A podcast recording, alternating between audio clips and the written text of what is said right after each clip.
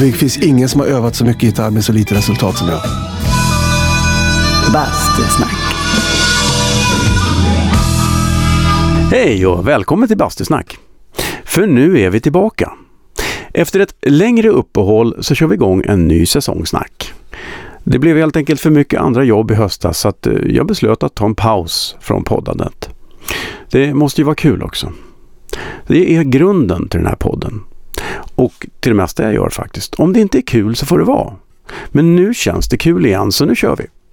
Som vanligt är Bastusnack sponsrat av Tylö Helo Bastu. På tylu.se så hittar du alla Tylö Helos bastuprodukter. Från kompletta basturumslösningar till termometrar. Tylös bastuaggregat är energisnåla tack vare funktionen delad effekt som sänker energiförbrukningen med upp till 30 denna funktion innebär att bastuaggregatet med automatik går över i sparläge så snart önskad badtemperatur har uppnåtts och bibehåller denna nivå under hela badet. Säkerheten är också prioriterad hos Tylö. Överhettningsskydd, termostat och temperaturavkännare är noga utvalda vitala komponenter som garanterar säkerheten. Tryggt känns det också med Tylös unika beröringsskydd Thermosafe som garanterar att ytterhöljet aldrig blir för varmt att röra vid. Surfa in på tylö.se och läs mer. Så, dagens och faktiskt årets första gäst är Anders Lundin. Vi har känt varandra i snart 20 år så det var på tiden att jag fick veta lite om honom också. För det finns ju en del att ta reda på. Jag tror inte jag vet någon som har hoppat runt så mycket. Och det gör vi ju i snacket också. Jag kan lova att det som nu följer kommer att täcka in områden som så vitt skilda som snöleoparder, eh, guldbaggegalor, skolpolitik, eh, hotellbedrägerier i Vietnam, men också såklart detta i Bastusnack ständigt återkommande ämne rea. Men det är ju bara kul. Där var det igen, ledordet kul. För det har han och det hade vi i bastun. Vi eh, hoppar raskt över dit där vi inleder helt otippat med att snacka lite om eh, mikrofoner.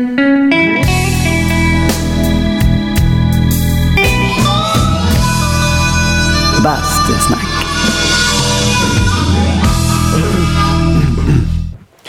Check, check. Vad är det för något? Sitt bekvämt Jag måste bara kolla. Ja, A och G. Ja.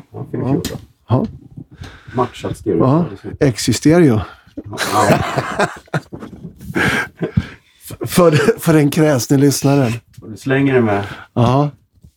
Men den kursen har gått. DI. Jag var bra på det. Ska jag, var det, stereo? Ja, men på, på ljud. Jag lärde mig.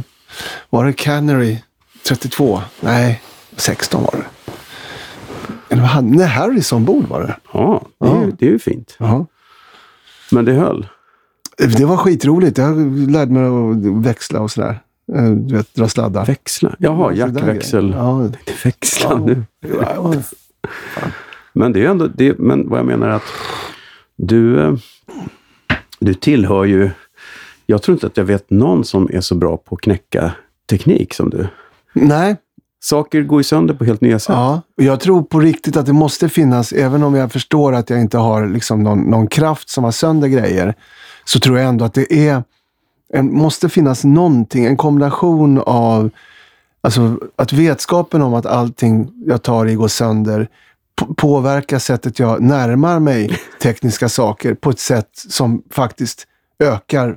Så det, det, det är ju någonting som händer och det är väldigt roligt att vara inne i, i liksom att köpa, köpa någon, någon ny grej till liksom datorn och de säger att det är plug and play eller liksom det är bara att göra.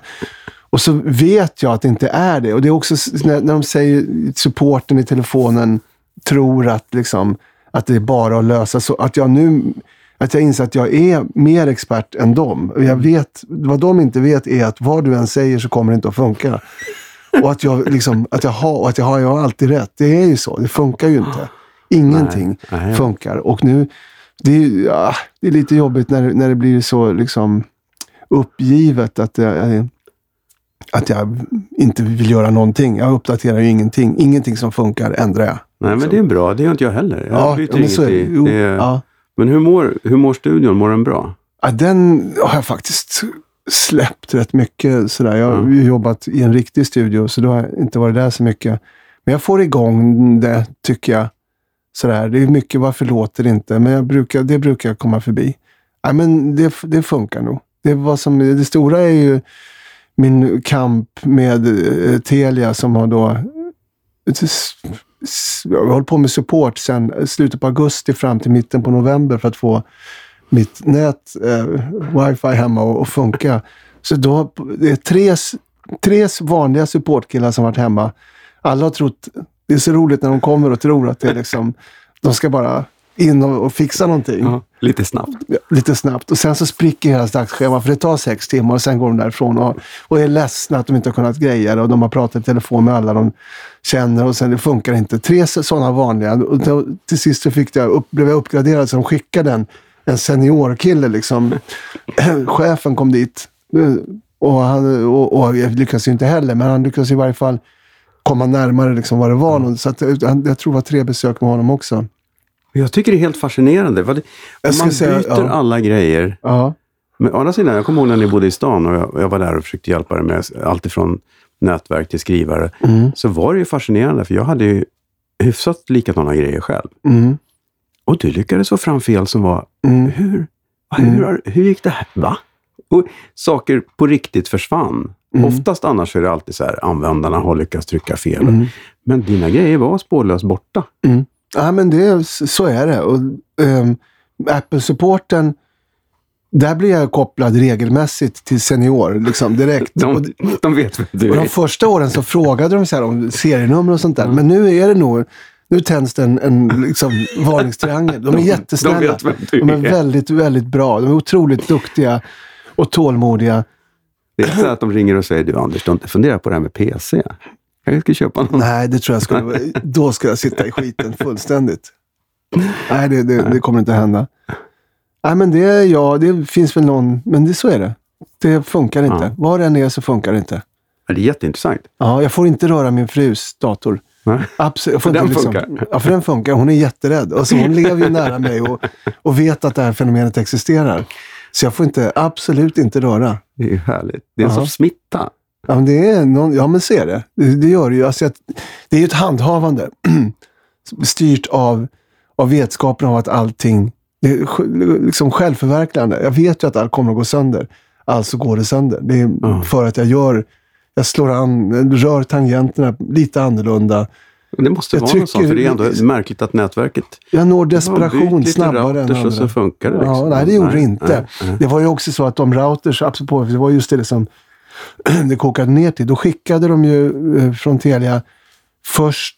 Äh, det, är så, det är så lång historia. Eh, innan vi ens kom dit, innan de, rekommenderade att jag skulle köpa det, men så skulle jag inte ha köpt, men det var för sent, för det hade jag redan gjort. De hade sagt till mig. Till sist skulle jag ha deras router. Då skickar de ett paket med tre som det bara är två i, varav en inte fungerar. Och innan vi upptäcker att en av dem inte fungerar, då, då är man ju där igen och liksom alla parametrar. Och till sist kokar det med den här nya grejen som ni skickar är ju trasig ju. Då får jag ett nytt paket och då fattas det fortfarande en. Och då, åker jag, då lägger de undan till mig i Farsta, så ska jag åka dit och köpa. Men då finns det ju inte. Hur kan det vara? Jag ringde ju nyss och det visade sig att det finns ju inte för de har ju lagt undan. Så att de är inte med i deras... Det är så, många, det är så mycket som händer innan det till sist kokar ner till att de av misstag har gett mig rådet att byta alla kablar i väggen. Vilket visar sig gå på 22 000 kronor. Och sen så kommer nästa tecken och säger det behöver du inte alls göra, det är inte det. Så nu ska vi reda ut det, Mm. se om jag kan få tillbaka de där pengarna. Det Otroligt. Ja, nej, men fortsättning följer. Det ska bli spännande att se när du ringer och säger du, det funkar. Mm, men nu funkar det. Det är det, så. Ja. Det, det, det gör det nu. Ja. Det funkar. Det Grattis. är bara att vi ska reda ut... Uh, vad är det som låter nu? Det är en katt. Det finns Inte här inne hoppas jag. Nej.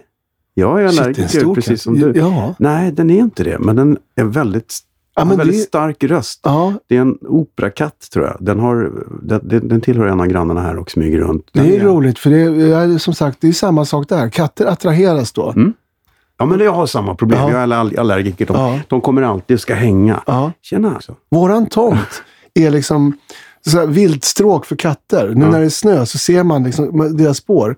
Och det de gör på vägen då, har gjort i alla år, det är att de pissar i våran barnvagn. nu är barnvagnstiden förbi, så då har vi köpt utemöbler, soffor, så har de pissat där istället. Så katter är inte, jag är ingen stor fan av, av katter. Tyvärr så dra, dras de till mig. Ja, nej, men jag, han, han eller hon får hålla sig utanför. Det, Mm. Vi tål inte dig. Mm. Men det är alltid så när man är hemma hos någon. Så kommer katten. Mm. Alltid till mig. Ja, så. Ja. Ja, men det är nog, de är så vana vid att, att det ska gosas och att de blir liksom, folk blir, åh vad är det här för... När, när det inte händer, då, blir, då ska det, Ja, då ska de, det precis. bekrä, då vill de ha Den bekräftelse. där coola som de inte... små ja, det. svinen.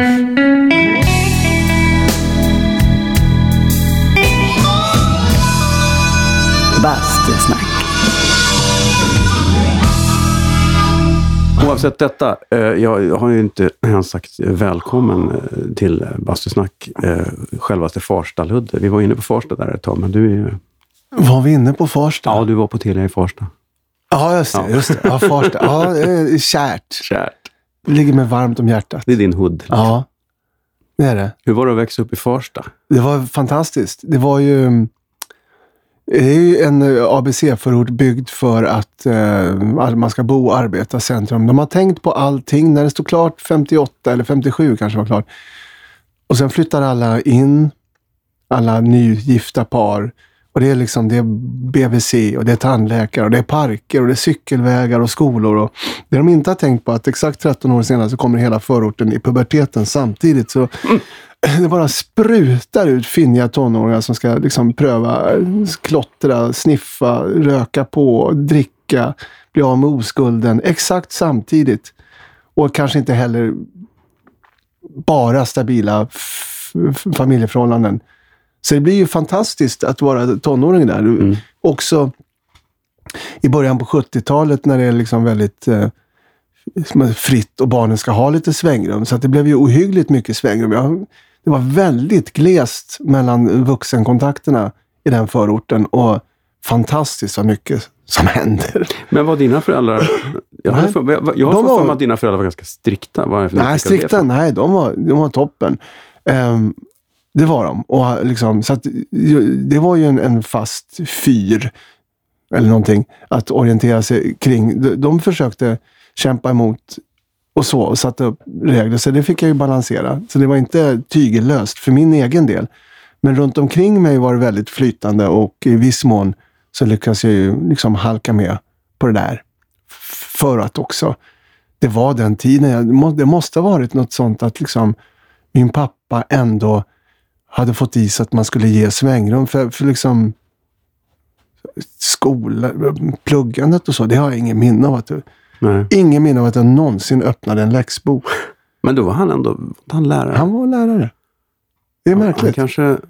Ja, då kanske han såg till att det var en så naturlig del av vardagen så att du inte tänkte på det. Jag vet inte. Ja, Eller? ja, ja, men han väckte ju Ja. mitt intresse. Han är ju, för, han är ju själv matte, ja, Ja. fysik. Det, han, det, han var ju folkskollärare så att han liksom kom väl inte in riktigt. Fast jag tycker det, Men- det är en men- fin titel tycker jag. Det Ja. finns något gediget över folkskollärare. Ja, det går i Det, stil. det Jag är är liksom själv, snudd på så här präst. Det är någon som Ja, samlar byn. så liksom, borde det vara. Det borde vara ett enormt respekterat och högavlönat och hyllat. Ja. Ja, men han, han, jo men absolut, han väckte mitt intresse för historia och det bar mig ändå genom skolåren. Men du Liksom- var ganska nära att bli folkskollärare själv. Typ. Ja, jag, blev, jag gick ut lärarskolan i sinom tid. Hade en väldig tur. Jag hade ju mm, fruktansvärt... Jag men, jag hade inte frågat, det var ju många som hade men jag hade ingen vidare betyg och så kom jag vidare till gymnasiet. Där, gymnasiet så fattade jag grejen. Då plötsligt efter ett tag så började jag tokplugga och liksom fick upp det till här strax över medel. Och så gjorde de om lärarhögskolan precis när jag gick ut, och ut men glömde informera. Eh, Så att, av en slump visste min, fick min farsa nys om det via någon dagbarnsförälder. Så vi slängde in papperna och jag halkade in på lärarskolan och Mm. hade ju inget annat för mig. Så, det var, så jag gick fyra år och blev historia, samhälle och geografilärare. Och det var det du trodde att du skulle, att du trodde att du skulle göra. Jag tror nog fasen inte att jag trodde det ändå. Det var jäkligt skräckinjagande och det var ett stort steg för mig att eh, det var rätt nära ändå från den där rätt stökiga förorten och sen sitta med vuxna, för de var ju så här 25-årsåldern. De som pluggade på lärarhögskolan och själv kom jag ju raka vägen från gymnasiet. Och det var ett stort steg. Jag, jag, jag, jag hade liksom inte kompetensen för det där. Jag hade, kunde inte, förstod inte orden, engelskan. Det var jättemycket. Och, så jag var väldigt rädd och när jag väl kom ut så var det också väldigt främmande att vara den som sitter i lärarrummet med de där konstiga människorna och tar upp frånvaron som om jag brydde mig. Eh, så, så, det var, jag var inte alls Nej. mogen för det. Och, eh, Men var du en bra pedagog då? Jag får en känsla av att du... Ja, det kan jag. Jag, ska, jag var något ämne, bortsett från att det var ju fult med katederundervisning. Eh, det är det väl fortfarande och kanske för att for a reason. Jag vet inte. Men jag, jag tyckte det var roligt att berätta. Det var ju mm. min grej. Jag ville ju berätta.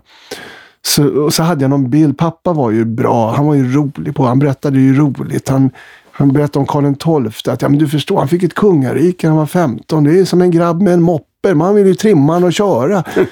Fast han pratade inte från stockholmska då. Nej, lite korrekt kanske. Men, ja. ja. nej, det var han inte. Han var en rolig jävel. Ja. Um, men det sättet han berättade eh, de sakerna tyckte jag var... Jag förstod att han var, att han var bra, att han fick det att bli roligt. Och det var så jag själv ville. Jag ville liksom berätta roligt. Jag ville förstå, få dem att förstå eh, eller bli intresserad av genom att berätta roligt och fångande, lite dråpligt sådär och ta ut svängarna och överdriva. Och, och ja. Men det, och det var inte lyckats... inne just då. Men det har du ju det gör du ju än idag. Ja, men det är ju det jag det tycker att jag gör. Allt för Sverige handlar om. Ja, det är ju det jag äntligen har fått ja. jobba med något som jag faktiskt har kompetens för. det är skönt. Ja. 40 år efter utbildningen. Ja, ja, så det är det. Så jag sitter ju nu, jag just det, tre nya historieböcker som ska kvittera ut som är på posten. Och, är det sant? Kul. Ja. Och så läser jag, nu håller jag på att läsa Beowulf-kvädet. I hopp om att jag ska koka ner till, ett, till en skola i allt för Sverige. Det är ju bra. Ja. ja. Det, just det, nej, där var jag tokdåligt påläst. Det är vikingatids-ish, eller? Ja, det är intressant att ställa frågan. Eh, sen folkvandring. Eh, det, ja. Hela den här boken går ut på att placera det i tiden. Ja. Eh, och Det skulle kunna vara vikingatid, för det är då man tror att den är nedtecknad. Men ja. själva kvädet, hävdar författaren, och jag tror honom, är ju förmodligen sprunget ur ja, svensk, östsvensk 500-tal. Jag har inte till slutet ännu, men jag tror att han det är som en detektivroman. Han kommer att placera själva Beowulf någonstans och det kommer att landa på Gotland. Det, det är som en detektivroman. Det... Jag tror jag hörde något Vetenskapsradion Historia som behandlade det här. Det måste mm. du ha hört. Ja, det var, jag tror ja. att det är där jag eh, ja. delvis ja. citerar och eh, sen också gick ett steg längre än dig. Jag köpte boken och jag gör mycket sånt. Jag har köpt andra böcker tack vare vissa som... Ja. ja, men, men det är jag mycket. går igång lite ja. sådär också. Eller lånar på biblioteket. Men just Vetenskapsradion Historia är så bra för att jag, jag tycker också det är kul med historia. Ja. Och de programmen är ungefär 25 minuter. Och Det är vad det tar för mig att kliva hemifrån, sätta mig på bussen, komma till Slussen, byta buss och landa nere på Hamburg Börs. Så jag, jag hinner precis knäppa ett sånt avsnitt. Det är perfekt. Ja. Ja. Ehm, så man hinner beta av några och så är det ju... Äh, det är så, jag tycker han är så... Han berättar väldigt bra. Vad heter han? Jag är rädd ja. för att det här inte... Jag vill lyssna på mycket, men ja. det, det, är nog slumpmässigt också. Jag lyssnar på allt utom meny. Så. det är så sjukt ointresserad av. Ja, meny. Äta. Jaha. När folk pratar mat. Nej, det förstår jag inte. Bastusnack. Det är en stor del annars, tycker jag, ja. i till exempel just att jobba med SVT. Att jag har ju haft turen att fått göra saker som man, man kan stå för mm. och som inte säljer någonting. Eller, som sagt, det, det handlar ju om tur förstås också. Man får, ska vara glad och få jobb och jag hade säkert jobbat åt någon annan kanal. Mm. Men nu blev det så här och jag är jättetacksam för det. Ja, men du har ju också haft har, har jag haft det förut, att få jobba med de här kreddigare, eller vad ska man säga, kreddigare, men de här ja. lite mer, inte så mycket hopp och tjo och kim-program. Nej, jag har ja, det är för sig Robinson. De här, ja, men jag tänker ännu Det var i coolt. Sverige, Sovjet och lite... Ja, prata inte skit om det nu. Nej! Men, Jag menar med att det var lite mer... ja, men det var det På. Ja, det var nog också så att efter det så... eh, Det var, det var inte så att jag tog en ed, men jag har... Det här är ju då...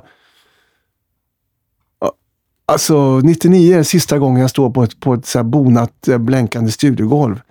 Och när jag gör Robinson så tänker jag att, att det här är ju grejen, att få vara ute och få inte stå på det här liksom blanka studion. Och sen Ja. man varit borta från det i 20 år.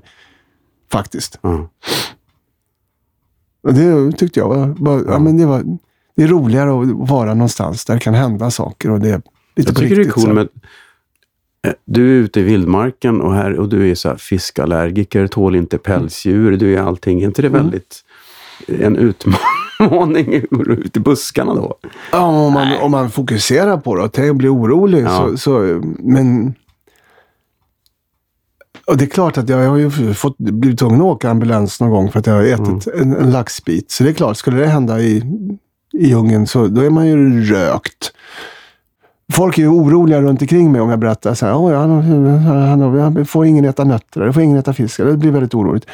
Så när, när jag kommer till Filippinerna 99 och ska göra den första Robinson, så eh, direkt när jag kom dit så vill eh, läkaren träffa mig för att bara liksom kolla av hur var det med din allergi. Så jag går och hämtar från en buffé där, sätter mig ner och börjar prata med honom och äter. Och då visar det sig ganska snart att det är någon slags räkbuffé som jag sitter och trycker i mig. Så att vi går från liksom teori, teori till skarpt läge inom loppet av ja, under tio sekunder tror jag.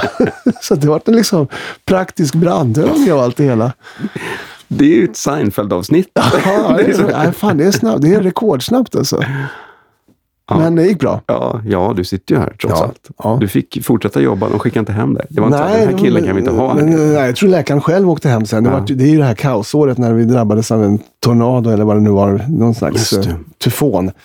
Som det kokade ner till att läkaren till sist stängde sin klinik. Och det stod någon så här, dra åt helvete era jävlar. Typ utanför. Han var så jävla trött på alla skadade, sjuka människor. Han hade gått in i väggen och sen några dagar senare så liksom stod han på bryggan med packad kappsäck och for till Sverige. Han trodde att det här skulle vara ett glass. Ja, jag trodde det var ju eh, bortom all rim och reson just det året. Eh, Men ja, ja. Han tog inte jobbet nästa år. nej, det gjorde han inte. Vi Nej. fick en annan. Bastusnack. Måste jag ändra den här micken. ja. Jag, vill, jag tycker jag fick en så skön närbild sådär, men jag orkar inte hålla fram. Sådär, Ja, titta. ja, nu det- är lite, kom det lite bas och grejer. Vad kallas det då? Bas? Nej, vad kallas det när man kommer närmare en mikrofon? Vad det kallas? Här, ja. Puffvarning? Nej, det kallas proximity effect. Okej. Fan, nej, det visste jag inte. Det finns säkert ett Du är ändå utbildad. Ja, du precis. hamnade på DI, i radioutbildningen. Fick Ja. inte lära dig någonting där? Jo, Jo. jag var riktigt bra. Och väldigt intresserad och var eh, något av en pionjär. Eh, jag var till exempel först, törs jag påstå, det behöver inte vara sant, men jag påstår det ändå, med att använda sampler i radioteater. Det var, jag hade ju kompisar som höll på, och jag höll på själv med musik, så samplen var ju liksom, den fanns ju där runt 84 definitivt. Men att använda det för att ljudlägga radiopjäs, det, det gjorde man inte. Och eh, jag ville göra... Jag hade ehm, legat på ett hotellrum och på den tiden så hade de så här videokanaler. Jag var ute och spelade med några coverband och så låg jag och lyssnade liksom på någon film för jag ville hinna. Jag hade sett halva filmen någon gång och nu vill jag kliva in i Tutsi var det för övrigt. Så jag låg och, och lyssnade, inte tittade och så lade jag märke till shit vilket jävla ljudarbete det är. Så här ska ju radioteater låta. Så jag ville göra radioteater som lät jävligt mycket. Och då eh, valde jag en Modesty Blaze avsnitt. Det skulle vara biljakt och Willy Willie Garvins knivar skulle fara genom luften. och Allt skulle låta skitmycket. Och så eh, gjorde jag, samplade och åkte runt. Och, det var skitroligt. Jag gjorde en riktigt avancerad. Sen fortsatte, sen blev jag faktiskt radioteater konsult på ljudområdet och så småningom också skickad till Luleå för att jag var liksom ung och djärv. Kanske, jag tror ung och djärv. Jag höll på att säga begåvad. Men ung och djärv var jag. Och jag tyckte det var hemskt. sällan säga att du är begåvad. Du är inte kaxig. Men, eh, så här, jag åkte Ja. dit upp och skämdes för jag tyckte... Men då gjorde jag en hel en pjäs. Allting skulle ligga på klick. Allt, alla ljudeffekter skulle ligga på rytm och allting skulle vara inspelat med proximity. Det skulle vara närbild på allting, för jag skulle Ja. ju skapa alla rum och kunna vara Ja, ja. fri och flytta. Det. det. skulle vara otroligt. Ehm, och, och där gick jag nog i taket. Dels så var det ju jävligt svårt att redigera pjäsen. Man upptäckte att man ville kapa några minuter när allting ligger på klick. Liksom, man kan ju inte klippa hur som helst då, Nej. för då åker ju hela rytmiken ur det. Så det var ju otroligt korkat. ah, Fast det var kul. säkert bra. Ja, det var kul. Det är skitkul, men jag får en känsla av att det där var ju före hårddiskredigering och sånt. mm, det vi, ju- vi klippte kvartstum. Ja, och idag kan man ju göra så mycket mer. Man kan gå in på detaljer som man inte kunde göra när man satt och klippte då. Nu kan man ta bort ett S. Det kunde du ju inte göra då. Det, var liksom klippa bort. Nej, funkar inte det. Alltså det var ju klumpigare. fan kan jag klippa bort ett S på ett kvartstumsband? Du kan det? Ja, ja. Okej. Det, just Ja, S är det minsta problemet. Ja. Ja. Vad, är, vad är det största problemet då? det är väl vokalerna. Ja. Jag vet, nu kan ju inte jag. Det är tillbaka till det. Grejen är att eh, jag vet, kan inte vokaler och konsonanter riktigt. Det är skitkonstigt. Men jag gick ju liksom inte grundskolan känns det som. Så nu vart jag osäker. Men S, det är väl något mitt emellan va? Sist jag kollade så var nog? S en konsonant. Jag tror inte det finns. Det finns hårda och mjuka vokaler. Men jag tror bara det finns en sorts konsonanter. Jag vet inte. Jag är så otroligt. Du vet, det är sådana Ja. avgrundsdjup i min skolning. Dropout skulle jag säga. Ja, så plötsligt liksom så här, helt självklart. Och det kanske kan hänga ihop med min, min relation till teknik. Att man, man kan inte tro att en vuxen människa kan vara så in i helvete korkad som jag fläckvis faktiskt är. Nej, okunnig kanske, men Ja, ja, ja, okej. Ja. Tack. Tack ändå, men jag, syftar på samma sak. Men du, vi, vi sladdar runt här lite grann. ja, men det, verkligen. Det här det- kommer du aldrig kunna klippa ihop. Nej, jag brukar skita i det faktiskt. Jag brukar köra. Mm. Ja, kör på. Förvirra mina lyssnare, Ja. tänker jag. Eh, if you can't convince them, Det convince här, är, det här är ju längre än en bussresa till Hamburg Börs i varje fall. Ja, ja. Det Mycket. Kan vi säga. Mycket. Eh, ja, vi är långt ifrån. Botniabanan. Bot, ja, precis. Botniabanan tur och retur. Ja, låt oss inte gå dit nu. Utan... Nej, nej. vi var där förut, men vi skiter i det. Du lämnade lärarhögskolan och du gick aldrig ut och jobbade, utan du... du Jo, jag var ute i tre år. Det var ju toppen. Alltså, jag fick ju tidigt i livet, jag var ju så här 22 när jag gick ut eh, och eh, spelade i band med viss framgång ehm, då. Så, Ja. så veckorna var ju fria liksom att att- att jobba. var det då du spelade det här ogooglingsbara bandet? Ja, med Betongbaletten. Nej, jag tänkte Stockholm Open. Stockholm Open, ja det är nog ogooglingsbar. Ja, det gjorde jag. Men, och vi liksom, jag hade en dröm om att få spela i stan och vi kom. Vi spelade på Mosebacke och vi spelade på Studion och vi spelade så här. Vi var lite på G och var med på eh, Tonkraft. Mm. Så här, fick spela in lite radio Coolt. och så. Eh, Men sen... eh, Det var ju något postproggigt över det här bandet. Vi, liksom, vi, vi gjorde en hederssak av att spela allt möjligt. Vi, Ja. Det var irländska folklåtar, det var bossa, det var, nej, inte just bossa, men det var funk, mycket fusion och chicoria och sen skulle låta som Steely Dan. Och jag hann precis förstå att liksom, skulle jag enkel och upptäcka Talking Heads som en sån här postpunk innan vi gick in i väggen. Men, så det gick hyfsat det där bandet ett tag. Sen spelade jag med en rocksångare som hade eh, blommade till någon gång där också tidigt 80-tal. Åke Kråkan Nilsson. Han fick jättebra recensioner. Ja, Han kommer jag ihåg faktiskt. skrev om Ja. sitt alkoholmissbruk och eh, fick fina recensioner och vi var ute och turnerade med det. Jag hade en kompis som spelade trummor med honom som hette Peter. Spelade han med er då? Mm. Peter Peter Lundgren. Lundgren, Ja. som är numera är trumlärare och pilot. Och fortfarande skyldig mig en, en hög med LP-skivor som han lånade. Är det sant? Ja. Okej. Då 28 tums baskagge som Bonam! Ja. Satt han längst bak i bussen och skrek. Jag tror han har det faktiskt. Ja, och, och, Ja. och en jävla overhead-mick. De satte ut trumsetet i trappuppgången och så en jävla overhead-mick. det var han. Ja. Från- Vi gick slagverkslinjen ihop. Jaha. Mm. Jaha. Ja. Jo, han var med. Det var roligt. och hans kompis Uffe, som var någon slags svartrockare som Aha. spelade keyboard och hade med sig en elflygel ska han envisas med. Han var så jävla tung. Också från Söderhamn. Ja. Ja. Ja, Söderhamn har fostrat många musikanter. Ja. Eh, så då spelade jag med, med Kråkan och, och med det här andra bandet och um, något till så musikprojekt. Så det, det gick liksom ganska bra några år. Jag vickade, under parallellt så vickade jag som lärare och han väl med Stockholms, i stort sett alla kommunens eh, grundskolor och gymnasium och fick också en, en ganska bra bild av de regionala orättvisorna vad gäller utbildningsnivå och eh, Aha. så. Ja, det var intressant. Redan då? Ja, oh ja, herregud. Skillnad på Skärholmen och Östermalmsskolan kan jag säga. Ja. Om du inte visste det. Jo, men det är så fascinerande att man, det visste man redan då. Ja, Det, och så läser man undersökningar om att de har problem med det nu. Man tänkte, Ja. okej, Ja, det var upprörande faktiskt. And det är inte samma utbildning de får. men det, varför har det inte hänt något på, fast man har vetat om det här i 50 år snart? Ja, det gick åt fel håll. Ja. Det, det blev ju inte bättre. Men fan, kulturminister då? Kultur och skolminister, kan inte det vara något? Ja, men det hade vi redan en kompis till mig. Alice Bas. Ja, just Det det. var ju jätteroligt. Ja, just. Världens ah, otroligt fin människa. Jag jobbade med henne med ett tag på, på SVT där. Ja, just det. Ja. Bullen då, eller? Nej? Nej, vi- gjorde dels Sverige-Sovjet som du refererade till. Och sen tror jag hon, ja, hon var reporter där. Eh, mm. Och även möjligtvis att vi gjorde Det kommer mera. Att hon var med på ett hörn där. Jo, men hon var ju... Ja, kommer ihåg att hon... Mm. Är det okej om jag tar med mig mat? Vi hade haft någon fest. Och så hon skulle åka förbi något härberge och leverera. Mm. Oj, shit, det borde man ha tänkt på ja. Men det gjorde hon. Mm. Ja. Ja.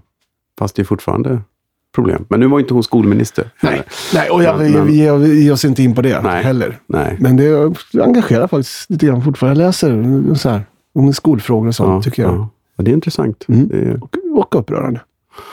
ja. Fan vad gör man? Jag vet Men jag inte. kan har- ingenting om det där. Man ska ju uttala liksom när blev staten eller kommunen och vem som håller det där. Det begriper jag Nej. ingenting av. Bara att det blev... Det blir mer hashtag Ja. killgissning där. Ja. Bastusnack. Jag kom på det häromdagen. Att jag tror att jag såg dig på scenen på 80-talet på Studion Ja. med Dr. Åkes trumshow. Var du med där? Nej. Då såg Studion, jag inte dig på Studion. studion spelade vi på några gånger. Ja. Men inte med... Dr. Åkes trumshow, det var nog... mm, Jag spelade med honom så var det ett regelrätt coverband och nog var det trumshow emellanåt, törs jag lova. ja. Eh, men inte på studion vad jag kommer Nej. ihåg. Mm. Eller Synd. kan det ha varit så att vi vara så? spelade där någon gång? Nej, inte med Dr. Åke. Nej. Nej, det tror jag inte. Då såg jag inte det, för jag såg Dr. Åke på Studion. Ja. Men eh, nej, utan dig då. Mm. Det gick nog bra det med. Det var ett dåligt, det var ett dåligt scoop. Fan. Ja, ja. det var roligt. Ja, Synd, för jag såg fram emot någon så här vittnesmål. Det som, att- ibland hittar man... Ja, alltså Dr. Åkes trumshow var ju helt fascinerande. För du Ja. hade lite Dr. Åke på din hemsida såg jag. Faktiskt ett videoklipp. Kan det vara så? Ja, det hade du. ja, och det var då jag finns- tänkte, men shit, det här har jag ju sett. Han var ju väldigt bra på att dokumentera och liksom, han spelade in alla gig. Ja. Så vi satt ju alltid på vägen därifrån och lyssnade igenom hela gigget och liksom kommenterade. Och vi, vi, lärde, vi blev bra på att... um, Man förstår ju att det, är bra om det låter kul. Så man, vi tjoade och tjimmade rätt mycket själv. För det hördes så bra på inspelningen, så lät det roligare att lyssna på sen. Men det var eh, väldigt utvärderande. Och sen var det också, när vi, när vi spelade i Danmark och där var det, på flera ställen hade de kameror. Så vi fick ju liksom VHS-kopior på våra gig. Så ska man kolla på dem också. De, det är det som ligger ute. Jag tror att Ja. det är så danska gig som Jaha, han har lagt ut. skönt. Men du lirar inte med honom längre? Jo, men du! Lustigt nog. Jag, på ja. Ängelen var jag Ja. och tittade på er. Just det. Ja, det var det. Ja, det var det. Ja. Det var ganska kul. Det var ju med Bill Örström och, och Åke och det. någon sån här soulband som jag plötsligt Det var ju fantastiskt. Otroligt smickrad. Jag mötte Bill Örström på eh, Kongas, eh, Mannen, Myten, Legenden, eh, Mariahissen ja, och så vidare. Och han, han, han, han, han, vi spelade med honom någon gång för mycket länge sedan och han tycker att jag är en av Sveriges bästa kompisar. Och jag tyckte att det var så flott. Och, alltså, grymt. shit. och sen gick det ett tag, sen ringde han och, och ville att jag skulle vara med och, eh, och spela. Så det var ju jätte, jätteroligt. Tväderacka, ticka, ticka, Ja, tväder. Och med Åke. Ja, Ja. det hade man ju inte upptäckt på den tiden. Att det skulle vara så mycket ackord. Men det här är ju toppen. Ja. Tväderacka, ticka, ticka. Kompgitarrist man ska ja, vara. Ja. Så det gjorde jag ett tag. Och så, och är det så att jag, jag fick faktiskt en fråga om så jag spelar med Åke. Nu snart igen, 3 mars eller vad det var på Ängelen. Men det är sportlovet, så jag tror att det skiter sig. Annars skulle jag nog gärna hoppa in. Det är roligt. Ja, det var ju väldigt kul att spela med han, är liksom, han spelar ju verkligen låtarna. Det är ju bara att ta rygg på honom. Han, man hör ju, ta, muta allting annat och du hör ändå vad det är för låt han spelar. På något sätt. Mm. Och han var väldigt tydlig, liksom start och stopp. Det var Mm. ingen så här, Mm. ingen, behövde inte undra. Och liksom, vad händer härnäst? Här är skåpet. Ja, här är skåpet och nu ska vi in i sticket. Det, det, det markerades mycket tydligt. Och eh, ja, bra showman. Ja, verkligen. Jag har en singel med honom. När han, han gav ut en, en platta Där kan jag vara med. under, under covern. De kallades för Bedlam och Dildo. Mm. De, de gjorde en låt som heter Läs högt ur din bankbok och jag följer med dig hem. det var någon sorts... Den var Läs högt ur din bankbok och jag följer med dig hem. Ja, men du, var du med på den? Nej, jag var inte med på den. Nej. Nej, det finns Okej. några singlar, förskräckliga saker som finns ute någonstans. Jag fan, var spelar vi in dem? Kommer inte ihåg. Nej. I någon källare. Det är preskriberat. Ja, hoppas jag. Ja, men du, eh, du la ner skolkarriären då? Jag spelade med det här bandet eh, och sen var det nog så att jag dels jag var intresserad av historia, men, men, men jag får väl erkänna, det är inte så smickrande, men att jag kanske mest var intresserad av att själv läsa och inte så lika intresserad av att, att lära andra. Så när jag liksom för femtonde gången ska berätta om, om liksom upprinnelsen och orsakerna till franska revolutionen så tänker jag, men fan kan inte det här redan? Nu vill jag göra något annat. Lite så. så jag, jag, jag, jag, jag var ganska bra och stod på de första åren, men redan efter tre år så började jag krokna lite på, på det där. Och så var jag, jag var för ung för att liksom kliva in i ett lärarrum och tycka att det var ett toppen ställe att vara på. Och ehm, så jag, jag började söka, söka efter annat. Jag började förstå också att det här med... Jag, blev, jag hade inte förstått heller att jag, jag ville ju bli studiogitarrist. Alltså jag ville ju bli duktig. Men det låg inte riktigt för mig. Däremot hade kanske kunnat skriva texter och låtar och, och liksom vara en skön kille på scenen och sånt. Men det värderade jag inte. Utan det var, jag ville vara duktig och vara killen som kom till studion och satte det. Och jag hade inga som helst förutsättningar för det. Jag är skitdålig på att lära mig saker fort Fast det intressanta är att du är ganska manisk i ditt övande ju. Ja, det finns ingen som har övat så mycket gitarr med så lite resultat som jag. ja, men det är helt Nej, men galet. jag minns också, vi, gjorde, vi hade en sketch i Rea som gick ut på att ni sjöng och det var väldigt fint. Och sen så, det var en Chicago-låt tror jag det var. Ja, det var det. Eh, If you leave me now. Ja, det var jättevackert. Och sen kommer sticket och alla vänder sig om och har varsin saxofon Ja. och kör och håller färgen. Ja. Och Oftast. någonting i det var att det var så väldigt, väldigt, väldigt roligt att just med fyra pers som inte kan spela saxofon. Nej. Men jag minns när vi repade så sa Hans Marklund, regissören, åt oss att ni måste gömma saxen nu. För Anders övar hela tiden. Han börjar bli för bra. Det här är inte roligt längre. Göm men saxen. Han är överlag så Ja. väldigt så, liksom, det skulle gömmas instrument. Ja. eh, Alltid när jag var med. Det Jo, var, Du övar ju för mycket, för det Ja. funkar ju inte. men det är ju liksom ett rastlöst, liksom, om man ska sitta och vänta här och det är en gitarr, vad är det för dumhet? Ja. Det är klart jag sätter mig och spelar på Ja. gitarren. Jag bara sitter och stirrar. Och med saxen så hävdar jag med bestämdhet att han är, har fel. Att det roliga är inte om, om alla fyra inte kan spela alls. Det roliga är om alla spelar jävligt dåligt. Och med liksom en repperiod på fyra veckor, det finns ju inte en sportslig att jag på fyra veckor ska lära mig spela saxofon. Däremot kan jag lära mig att spela så att man liksom hör att jag kan, nästan. Och det är Mm. det som, är, som var också visionen. Jag hade varit nere i Malmö och jobbat med Malmö symfoniorkester i en sån här julgrej. Och då ingick det att de duktiga eleverna i kommunala skulle dit och köra något sånt där klassiskt stycke. Du vet, åtta blåsare från kommunala på scenen. Och det, det är så ljuvligt, ruttet, hemskt. Det låter om dessa nioåringar, eller vad det nu är, som ska, elvaåringar ska tuta i en träblås. Och, det, spring, ja, det, så, det finns inget roligare. Det var, det var Ja, ja, bilden. det Och då bilden. krävdes det att någon åtminstone kunde Ja, liksom... melodin, ja. Och det var jag. Jag tog på mig den. Du axlade den Men jag kan manteln. erkänna att det, det stack iväg så att- jag var inne på att köpa loss den där saxofonen Mm. till sist när jag nu ändå blev så pass relativt bra. Ja, precis. Det roligaste var, tyckte jag, att jag att öva in musik ska byggas utan glädje. Och spela den djävulskt dålig på sax. Det tyckte jag var, ja, det var stor konst. Så många bottnar i Ja, det. det, jag, tyckte jag, var, jag tyckte jag var ett nummer i sig. det, det är ju... Åh, jag bara känner, kan du inte göra den ihop med Hector Bingert någon gång? Jo, det ska jag absolut. Och framförallt Daniel Binger. Ja. Då, då har vi en show Ja. ihop. Hans tokiga son. Ja. Jag har å andra sidan kollegor som har gjort om texten något och sjunger musik ska följas av faktura. Såklart. Klart. Och de spelar i Jesus. Ja, alltid. Ja. alltid. Det är så hemskt det här med att göra poddar. Man blir ju så otroligt förtjust. Liksom, man märker att allting handlar om, om mig. Mm. Det är liksom... Det är så otroligt smickrande. Så här kan vi sitta, här kan bli en riktig långkörare. Men det här är bara första delen av, av fyra. Ja, första delen av fyra, planerat. Ja. precis. Ja. Eh, vi ska göra ett Jag kommer till en ny säsong med Anders Lundin. Ja, vi ska prata om Sverige-Sovjet nu i fyra timmar. Ja, det går åt. Men, men den var ju ändå, för du, din, din ryggmärgsreflex var där. Snacka inte skit om den nu. Ja. Känns det så? Att, den, att du har fått oförtjänt mycket skit? Inte oförtjänt, men alltså underhållning. Det är svårt att försvara något underhållningsprogram från den epoken överhuvudtaget när man tittar på det nu. Redan frisyrerna är, liksom får en ju att liksom baxna.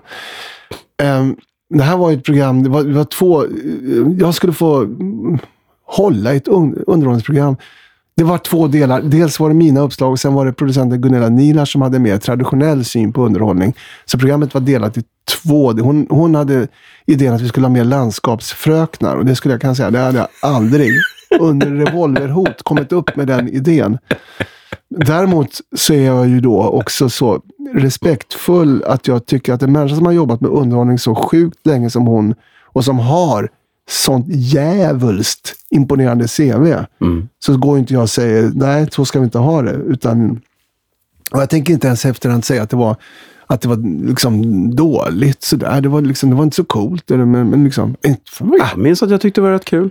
Ja, men det var, var Mm. ett jävligt avancerat. Ska, folk skulle ringa in och vi skulle vad heter det? morfa. Sk- Skicka in bilder och så skulle vi morfa. För, kommer Mm. du ihåg så här Michael Jackson-videos? Liksom, som en svart, en indier, en vit, en, Mm. bara ansiktena. Det skulle vi göra i någon slags realtid med bilder som de skickat in. Och de skulle ringa till landskaps... Så landskaps skulle tävla på telefon. Vi skulle morfa bilder och så hade vi ville jag ha Peter Karlsson och Blå Grodorna som husband. Tyvärr så var de i Mora och giggade första gången, så då skulle vi ha dem på länk. Och då skulle Alice Ba vara där och vara reporter och samtidigt, om hon dök med hajar just då, jag kommer inte ihåg. Och ett djävulskt komplicerat program att sätta ihop. Så när det var klart första sändningen, så det var ju sån high-five-fest. Vi fick ihop programmet. Ja, det liksom, gick. det gick ihop, men och dagen efter var det ju sågat i tidningarna. Och för vad jag inte hade insett då, det, är inte, det, är inte, det går inte ut på att det ska gå ihop. Det går ut på att det ska vara bra. Just det. Och det kanske inte där blev. Men sen så, så styrde vi upp det. Sen kom Peter Karlsson, det var det i studion och vi fick ordning på det här morfandet. Och så gick ju tittningen upp och, och även, tror jag, recensionerna med, med tiden. Så när sista programmet gick så var det liksom okej. Men det var ju ett liksom, ja, fåniga tävlingar och folk vinner resor. Och, men det var jä- jävligt coolt. Det var David Bowie och det var Phil Collins och det var Tina Turner. Och det var... På den tiden var ju de, dök ju de upp i studion. Plötsligt stod de där och, och mimade till en låt. Inte David Bowie, han körde live. Det var jävligt Coolt. coolt. Mm, Men gör de ju inte längre. Eller gör, det finns ju inga musikprogram, höll jag på att säga. Knappt. Nej, nu sjunger de ju knappt nu. ah, fan vad, vad mossigt det här blev. Ja. Men det är ju, det suger ju. Att det liksom, till och med, nu har ju till och med körerna borta ur Melodifestivalen och, och leadsången ligger, de dubbar sin egen leadsång. Mm. Så när de mi- missar så är sången där ändå. Det är jävligt konstigt. Det- Och sist så dansade de ju till och med på liksom LED-skärmar bakom så att bara hälften av, vad fan. Men då kan man ju säga att, att, att Melodifestivalen 1980, mm, frågetecken, var lite före då. Den här avsnittet när alla var med. Det bara var videos. Ja, just det. Typ så Anna Bok. Och vem, vem proddade det och kom upp med den idén? Gunilla Nilars. Du ser. Det är vi där igen. Det Så var ju att, eh, ändå Snacka inte skit om 20 Nilars. år före det faktiskt blev Ja, så på riktigt. ja. För sen var det så att ja, vi måste ha orkestern med och då blev det orkestern tillbaks. Anders Jaha, Berglund. kom den till, fick den komma tillbaks den gången? Ja, det tror jag väl. För jag, jag ja, gjorde ju 99, ja, ja, ja. då var det Anders Berglund. Och då minns jag ja, att min öppningsreplik var, jag slog ut med handen, pekade på orkestern och sa det är redan dyrt. Jo, men alltså den här videofestivalen var ju... Var inte den på 80-talet? Det var, jag tror att det är det här eh, Dover Calais, det året. Ja, tror jag. ja. Sen var det orkester och grejer. Och sen kommer jag ihåg sista året med orkestern, tror jag att det var blandat. Det var 99. Ja. Det var jag. Men då var ju hälften av numren singback och hälften... Ja, Allt var live. Nej, men det fanns ett år när det var både och. Det skulle var i så fall vara Göteborg 2000. Ja, för då var vissa nummer singback och vissa var med orkester. För det var Ah. då... Jo, men det var det. För det var då han vann, Pontare. Ja. När Pontare vann, Ja, det var Göteborg. Och då var Hans Marklund som gjorde det legendariska. Mellanaxnumret, ja. Just det, precis. Bara det är värt. Men vart jag ville komma till att skillnaden kommer jag ihåg när de, de, det var någon sån här, ja de här fem låtarna har gått vidare och så var det då några, och Pontare var väl typ den enda som hade orkester, de andra var singback. Så när orkestern fick andra chansen på låten så klev de i lite. Vilket gjorde att framförandet blev ju oerhört mycket bättre än de här singback-tejperna som var likadana. Ah. Jag minns just den här känslan att det här som händer med en orkester, att det kan lyfta på ett sätt som inte Ja. går att ta på.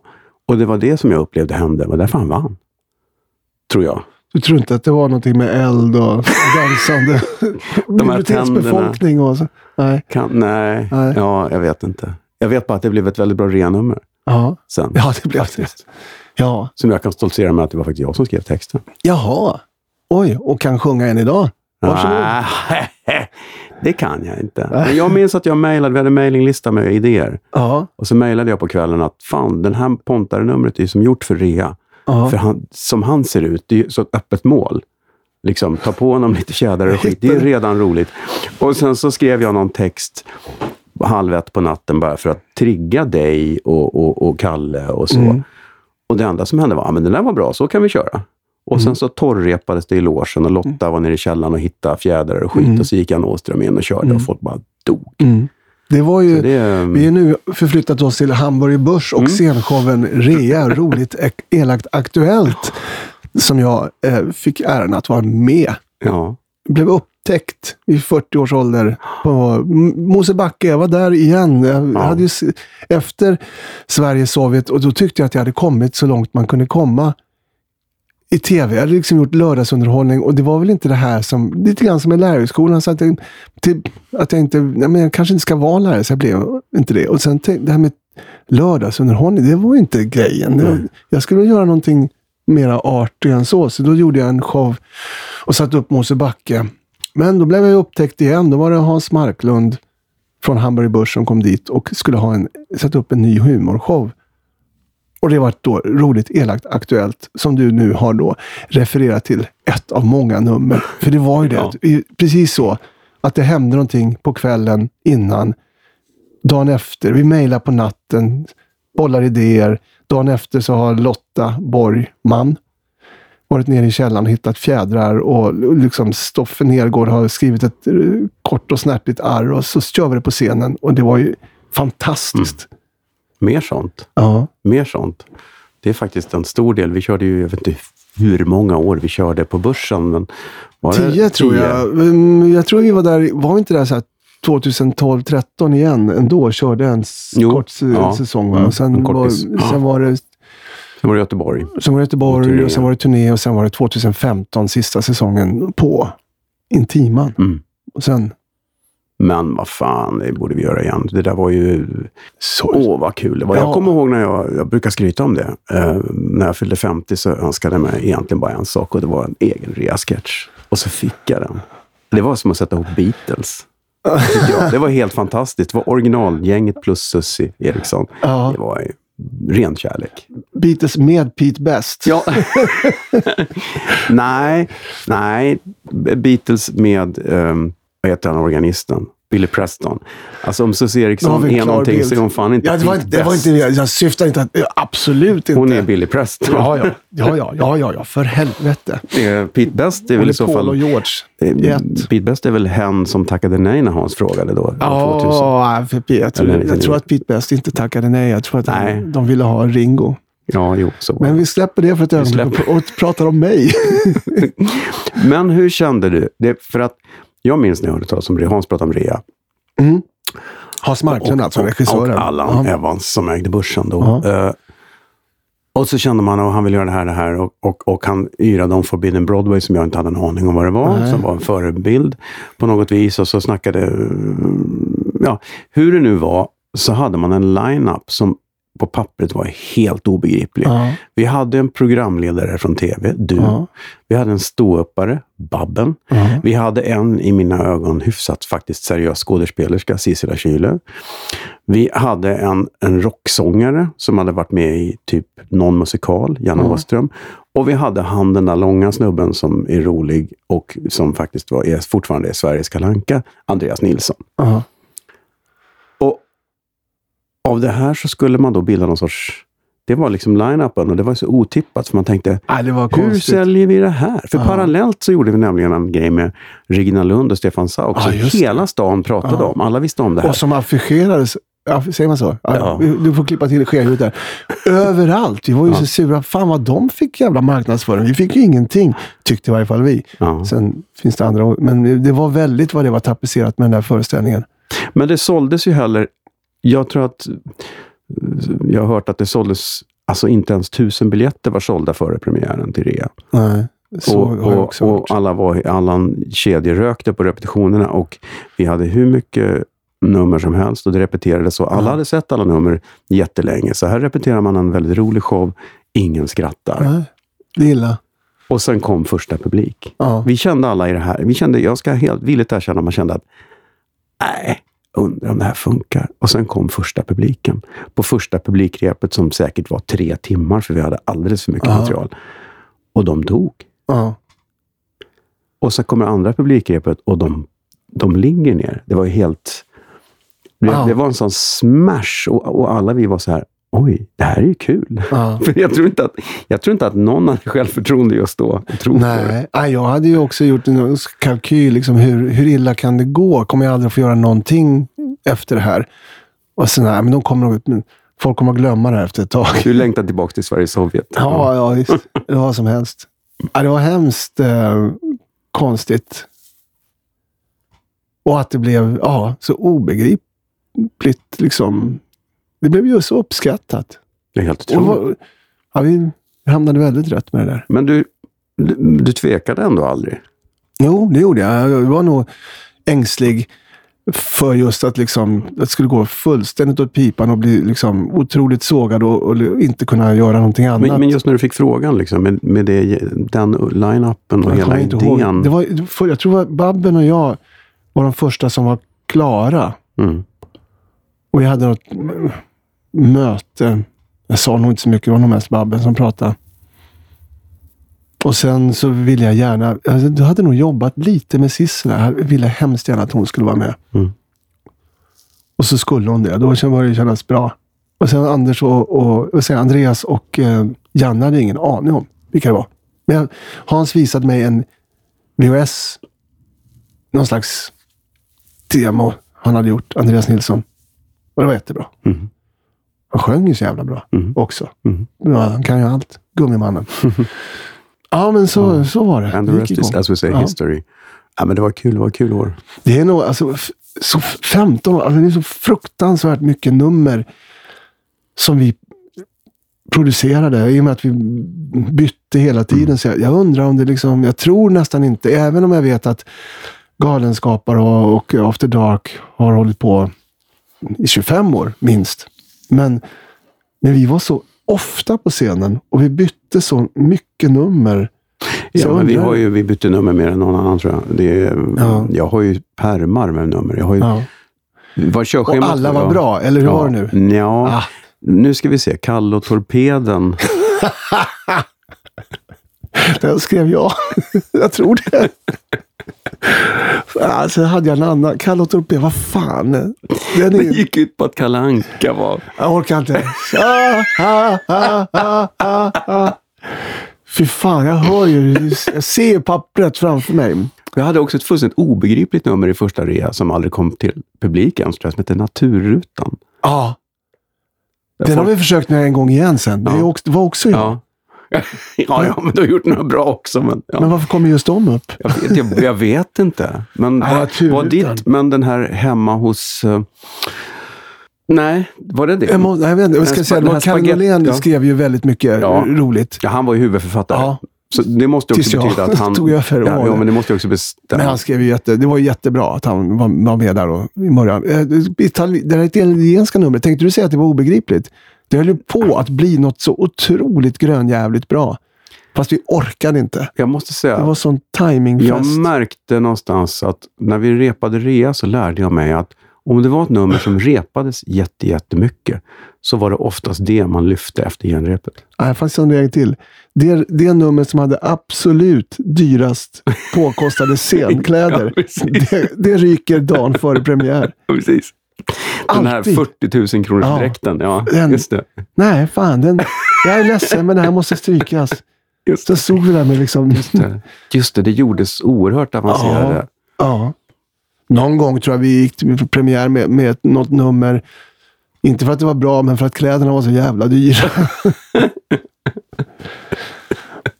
Dit har ju då inte dock de tre jättepenisar som jag och Andreas och Janne dansade runt i. i De lever vidare, du vet det va? nej, någon av dem blivit vattenskadad. De köpte ju givetvis, vi sålde ju ut allting. Ja. Och, och då, då hade ju de sköna burnt out punks lite förköpsrätt. Självklart. Så att de är ju, när man kommer ut till punkshangaren och det är fest där ute, Ja. så nog fasiken dyker upp en snubbe i, i den, en sån direkt plötsligt. Ja. Ja. Var gulligt. Funkar jämt. Ja. Lotta satt och sydde på det där Ja. och ritade dit ådror och grejer. Jag kommer Ah, inte fan, vad ihåg roligt. vad numret Jo, handlade det om. var en parodi på eh, Skönheten och odjuret. Ska vi se, kö, Könet och, och ohyran tror jag det Adam Pettersson dansade runt och sjöng om ja, könssjukdomar tror jag faktiskt. Helt Ja, enkelt. ni var tre dansande vi är tre snoppar. dansande penisar. Det var, Ja, det var fantastiskt bra. Ju. Det hör man ju. ja, och sen finns det ett, Mm. ett ofta citerat. Det är ju inte du, du men det är, Sissela är ju ofta citerad. När hon, ja, Sissela Anette Kullenberg. Mm. Den var ju fantastisk. Det var ju också första Ja. gången vi upptäckte den enorma glädjen i att göra någon på scenen som vi inte är helt säker på om folk förstår vem det är. Och framförallt inte har, har de sett det här roliga som vi har sett. Och så märker vi att ja jävlar vad de har sett det roliga som vi har sett och vet vem det är. Och hon gjorde en fantastisk Det handlar inte om... Det handlar inte om Argentina. Ja, det är, ah, för fan vad roligt. men var det du eller Kalle? Eh, softsketcher, jag tror att Ja. det kan ha varit grupparbete Ja. och, och vi ska inte gå in på det. Eh, så. Men det, det, jag tror att vi... Och, och om det jag handlar inte, då tror jag nog att det är Sissela själv Mm. som har fiskat fram den eh, liksom huvudsaken vi hänger upp allting på. Men det handlade ju mycket om det. Att, att grupp, själva, det, det var det Ja. som jag tyckte var, jag tyckte var kul med REA. Det var lite som att spela i ett band. Så var Eh, det. det var en gruppdynamik som var helt fantastisk. Ja. För att man, efter föreställningen så kunde du gå fram till någon av, av följespottoperatörerna och säga, du, hur funkar det här numret? Och då kunde vederbörande säga, ja, det är skitkul, men det är roligare om du kommer in därifrån, för då ser man Ja. dig innan. Ah, bra!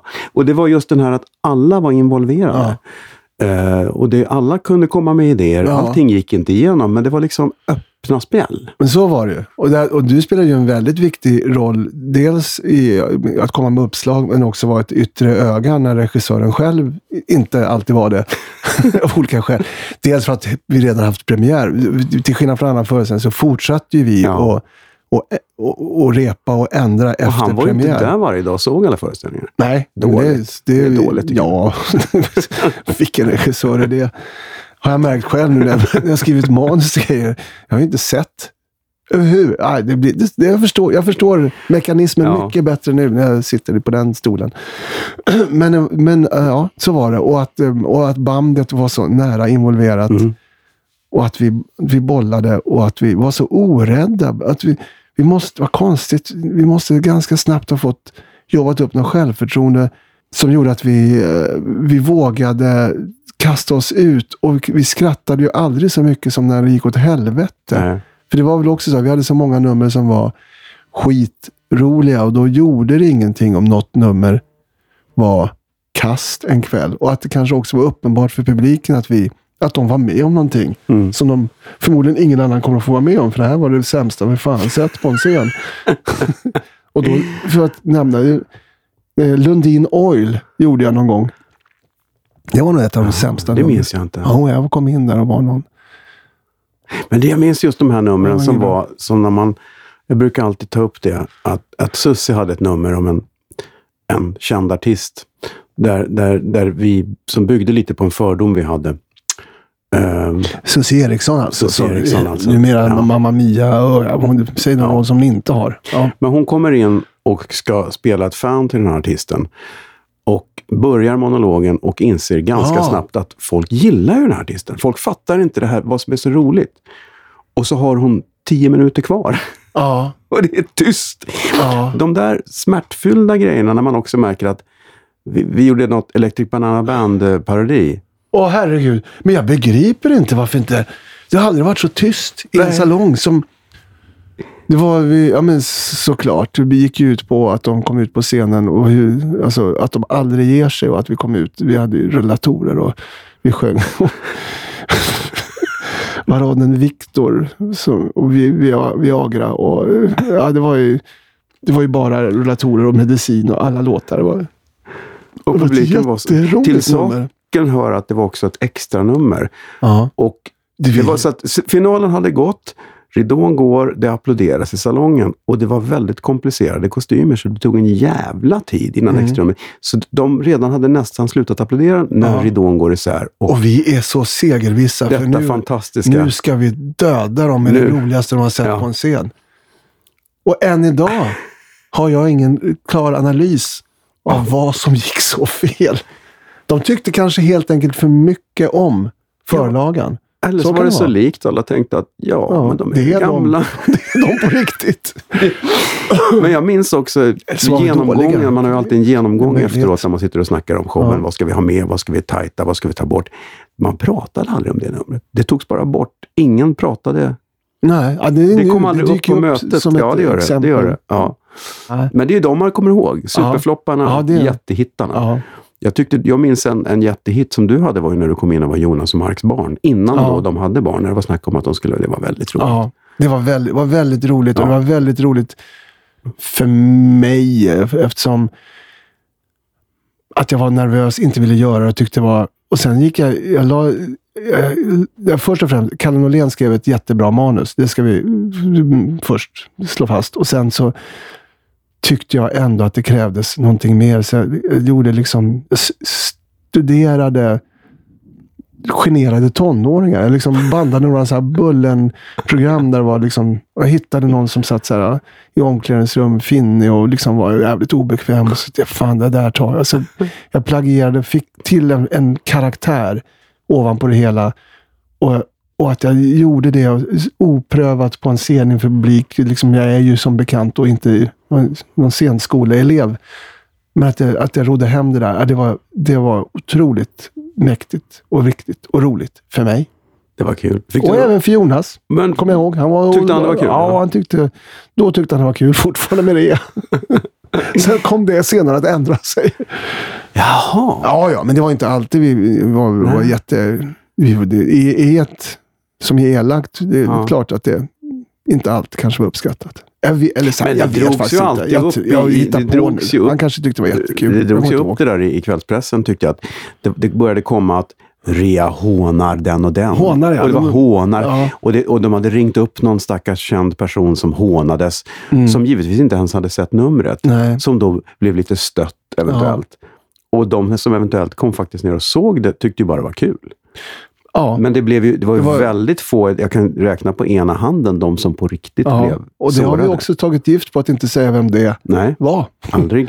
Men i stort sett alla ja. kom ju dit, inklusive nyss nämnda Kullenberg. var ju där Mm. Ja, ja. och tyckte det var jätteroligt. ja, och Torsten Flink kommer jag ihåg, Ja, han var så ja. rolig. Han var där och nu ska, jag gjorde Torsten Flink och sen gick jag ut i baren och, för han stod där och sen skickade någon lapp till mig. Men det kokade ju ner till att han ville ju också vara med i rea.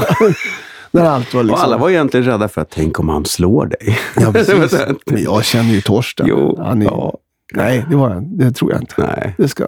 Det kom ju en, en, en kille från en annan humorgrupp och såg ett nummer som typ handlade om den humorgruppen och eh, den personen var ju inte nöjd. Han tyckte att Rea var ju väldigt tråkigt.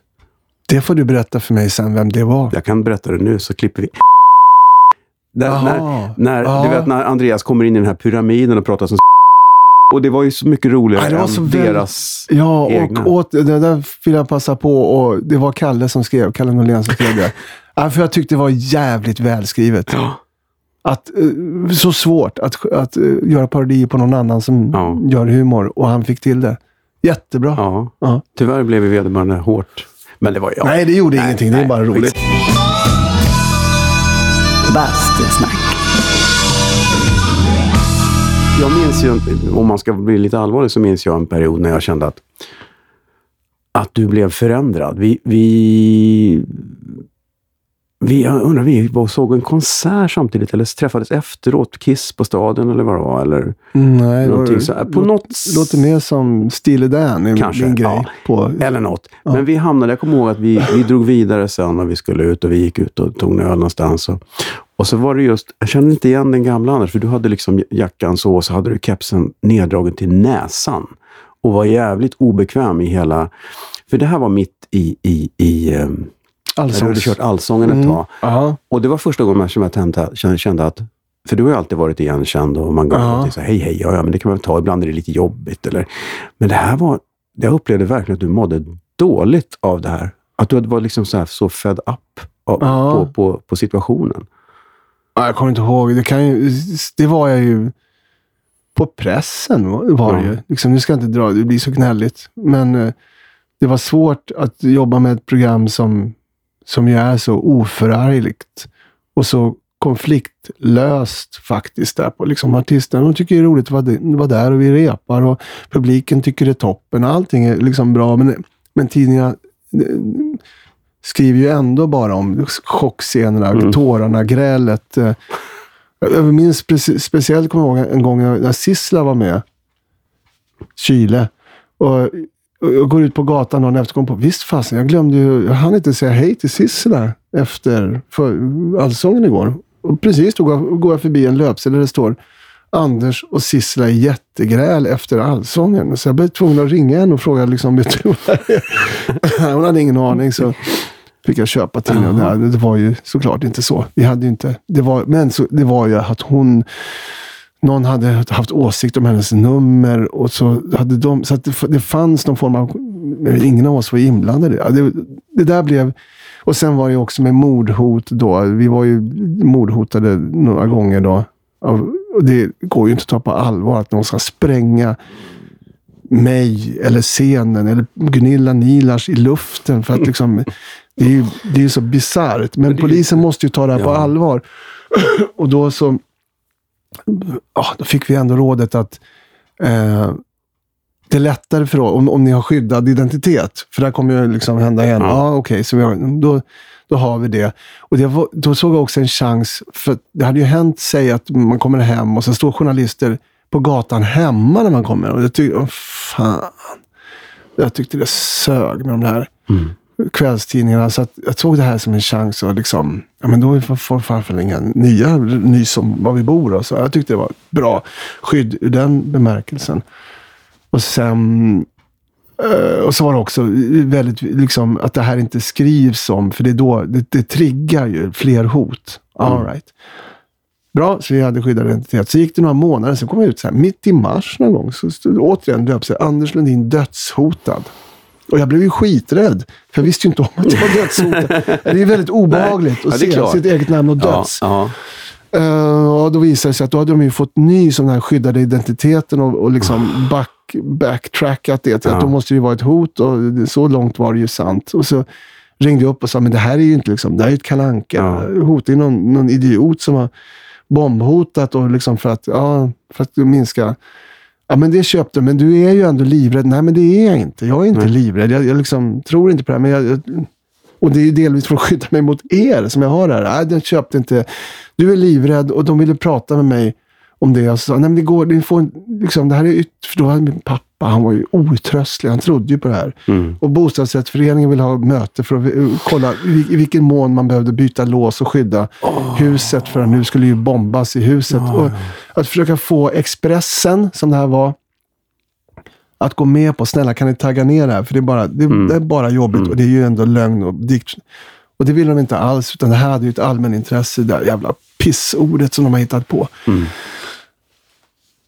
Det hör man ju nu att det finns en viss affekt här. Ja, men det är Men det, det är länge sedan. Men det, den delen av det hela var ju jobbig. Och sen tycker jag annars tycker jag aldrig egentligen att det varit särskilt besvärligt att vara Nej. känd i Stockholm. men det var ju några år då som du... ja, Men sen, det där har jag inte känt Visst, senare, finns på senare visst. tid. Men, men då var det de åren, allsångsåren, Ja. tänkte man, ska du verkligen göra det här? För, att, för det som var så fascinerande för mig var att det är ett program där man träffas och sjunger tillsammans en timme på tisdagskvällarna. Mm. Det är helt abnormt att det får så mycket uppmärksamhet. Det är Mm. inte klokt. Det är jättekonstigt. Mm. Det hade varit en sak om det var liksom... Ja, Melodifestivalen förstår man ju. Men... Eh, Ja, jag tyckte, var, jag tyckte också att, det- att vi på SVT skötte oss konstigt. Varför skulle vi ha de drällandes där? Vi liksom, Mm. Man är väl rädd om sitt varumärke. Om det skrivs så här mycket gegga liksom, om, om någonting, då, är, då blir ju det att produkten i sig blir lite kladdig. Men är det inte det här klassiska symbiosförhållandet att man behöver ändå kvällspressen att skriva om det så att folk fattar att det är här så folk ska titta jag på det? inte, kan inte bara skita i det? Ja. Måste jag? Jag fick i varje fall ge dem ett förbud att liksom inte, inga kvällstidningar bakom scenen. Nej. För att vi ska, det, är- det är inte dem vi gör program för, Nej. så ta bort det. Så det, det lyckas med så småningom.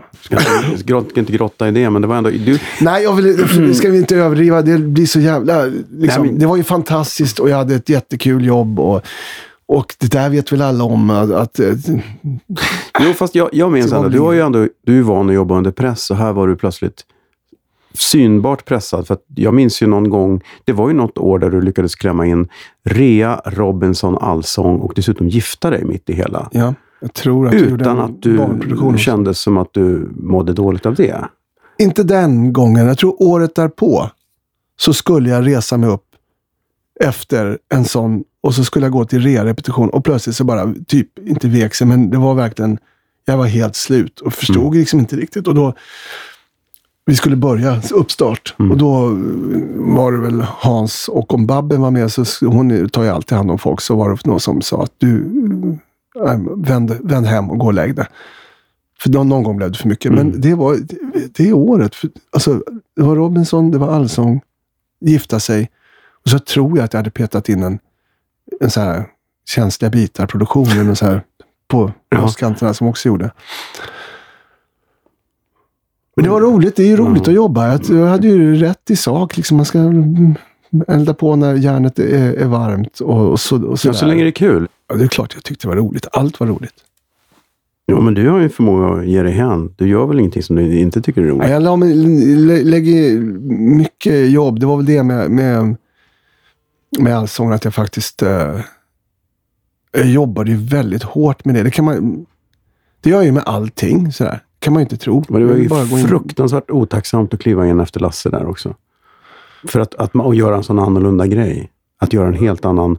Ja, jo, det kan, ja, jag vet. Men nu, å andra sidan så är man ju van vid det nu. Sen, sen dess, när, så fort det byts en allsångsledare så ska ju vederbörande sågas Ja, efter ett, en stund. men jag klev in, jag tror jag klev in, jag var, en- och det gick, det gick nog okej, tycker jag. Mm. Jag kommer inte ihåg att just inkliv, jag var nog beredd på, och det var lite, inte med en klackspark kan jag inte säga, för det, det är inte min grej, men däremot med, med någon slags lekfullhet sådär i början. Men sen blev det lite, ja, men sen blir man väl, påverkas man blir, Varför så där var det ju aldrig med rea. Det var ju aldrig...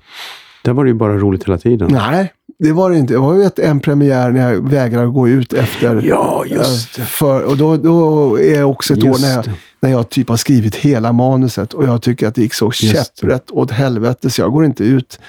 Det minns jag. Du satt i logen. Ja, sura och Mm. tyckte det var förskräckligt. Och sen, sen så möttes... Nej, men sen gick det ju bra eh, ändå. Jag hade ju bara varit... Det var ju precis som det är på en premiär. En del saker som inte blir riktigt som jag Ja, tänkt sen sig. är det sån anspänning så att man, Ja. man tar det hårt. Ja. Jag tyckte Det- inte de skrattade riktigt som, som de skulle. Men oftast, det var ju som bäst ett par veckor efter premiären när alla Ja. hade börjat bolla. För att problemet vi hade var, i och med att vi hade så otroligt mycket material, var att sketcherna repades ju två gånger. Ja, sen var man tvungen att gå på nästa. ja just det. Vilket Ja, gjorde att var, ingen var riktigt hundra Nej. på vad som skulle hända. nej, Det var så, nej. då är det ju det är en balansakt. Ja, men det var ju det som var så sjukt roligt med, med det. Att vi, och att vi till sist visste det. Att vi, det här, okej, det är premiären. Och så, men vi fortsatte att repa rätt så mycket, de tre, fyra första veckorna ändå. Och ändra och liksom upptäcka. Men det här, är, här måste det in någonting. Ja, men det, Mm.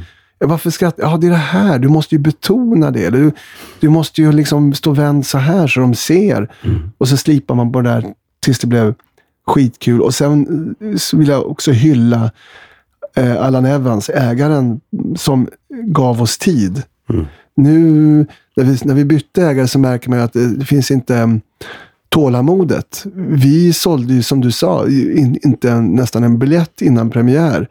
Och sen gick det ju jättebra och snacket gick på stan efter de där vad heter det, publikföreställningarna, repen. Så då började vi sälja. Och samma sak med, med senare med året, så när vi hade jobbat upp det där och efter en, en månad hade en, så var det ju fortfarande folk som, som såklart kom och tittade och gick hem och, och berättade att de hade sett något fantastiskt kul. Och sen tar det ju ungefär tre månader för deras kompisar att få Mm. tummen ur och köpa en biljett.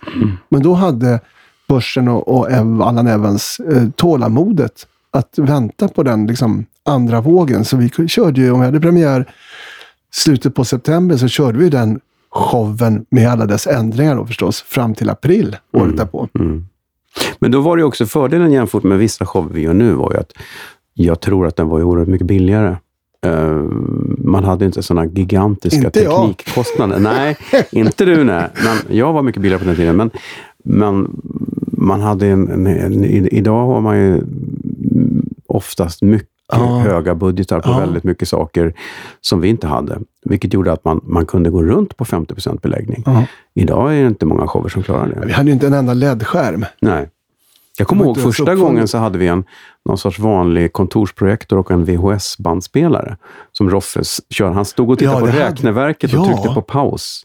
Det hade vi. Ja, det funkar I ett väldigt tidigt Facebook-parodinummer. Ja, just det. Jag fattade, visste inte vad det var. Fattade ingenting. Nej, just det. Nej, när vi gjorde Facebook hade vi nog fasiken inte... Hade vi en DVD som han pausade. Ah, ja. Ah, ja. Från början hade vi en VHS-bandspelare, Super-VHS, som blev skitigare och skitigare. Så filmerna blev sämre och sämre för varje visning. Det är samma band. Ja, men det var ju väldigt Ja. mycket sånt. Vi, här skulle man behöva ett gevär. Och så liksom vår rekvisitör, senare betare, chef, Roffe, hittar liksom ett rött, dassigt gammalt plast. Ja. Går det bra med det här? Alltid, går det Ja. bra med det här? Man gick till storliten och köpte något. Ja, det var, det var inte, för det låg tvärs över gatan. Han orkade inte gå längre. Claes Olsson var ju Ja, ja. också sån. Det var mycket. Jo, men det var, någonstans var det. Den ska vara inne i tio sekunder. Men någonstans. Eh, vi, ja. vi, vi är överens med alla att det här är ett Ja. gevär och så blev det ett gevär. Ja. Det, apropå det tyckte jag var så kul när han och hans grabb, Stefan, de var ju med när vi gjorde Stig Larsson-numret. Så spelade de Ja, Stig Larssons Ja. bror och far. ja. Jättekul. Det var väldigt roligt. Och de, var, det, var så, de som var så, det var så rätt när de Ja. kom. Roffe har gjort många roliga... Apropå då att det var ett kollektiv så var det precis så. Och även eh, Lotta, eh, kostymansvarig, eh, blev ju tvingad in att delta i en del nummer. Ja. Bland annat så var hon ju en av bröderna Sedin i ett evighetslångt prestations... För hon, för hon hade rött hår. Just det. Ja, för att förvirra. Ja, just det. Och Roffe satt under scenen och kom upp som Obi-Wan Kenobi. Spelades klarinett av okända, idag obegripliga skäl. Men väldigt Ja, men det var ju bandpresentationen som började med att då var det kapellmästare Kristoffer Nergård och på Ja. trummor Jonas Starling och så gick vi vidare. Och sen var det plötsligt på klarinett Obi-Wan Kenobi. Ja, sen fortsatte det. Och det, Ja. det fick vi även in Konrad Adenauer, det. Tysklands rikskansler 63 till 72. Exakt, ja. Och vill jag minnas, det var ju det som var nu, så roligt med att eh, man kunde höra, liksom, jag, jag tror att det var så här, typ P1s kulturavdelning var, var, var, var någon man visste händelsevis och de satt till vänster.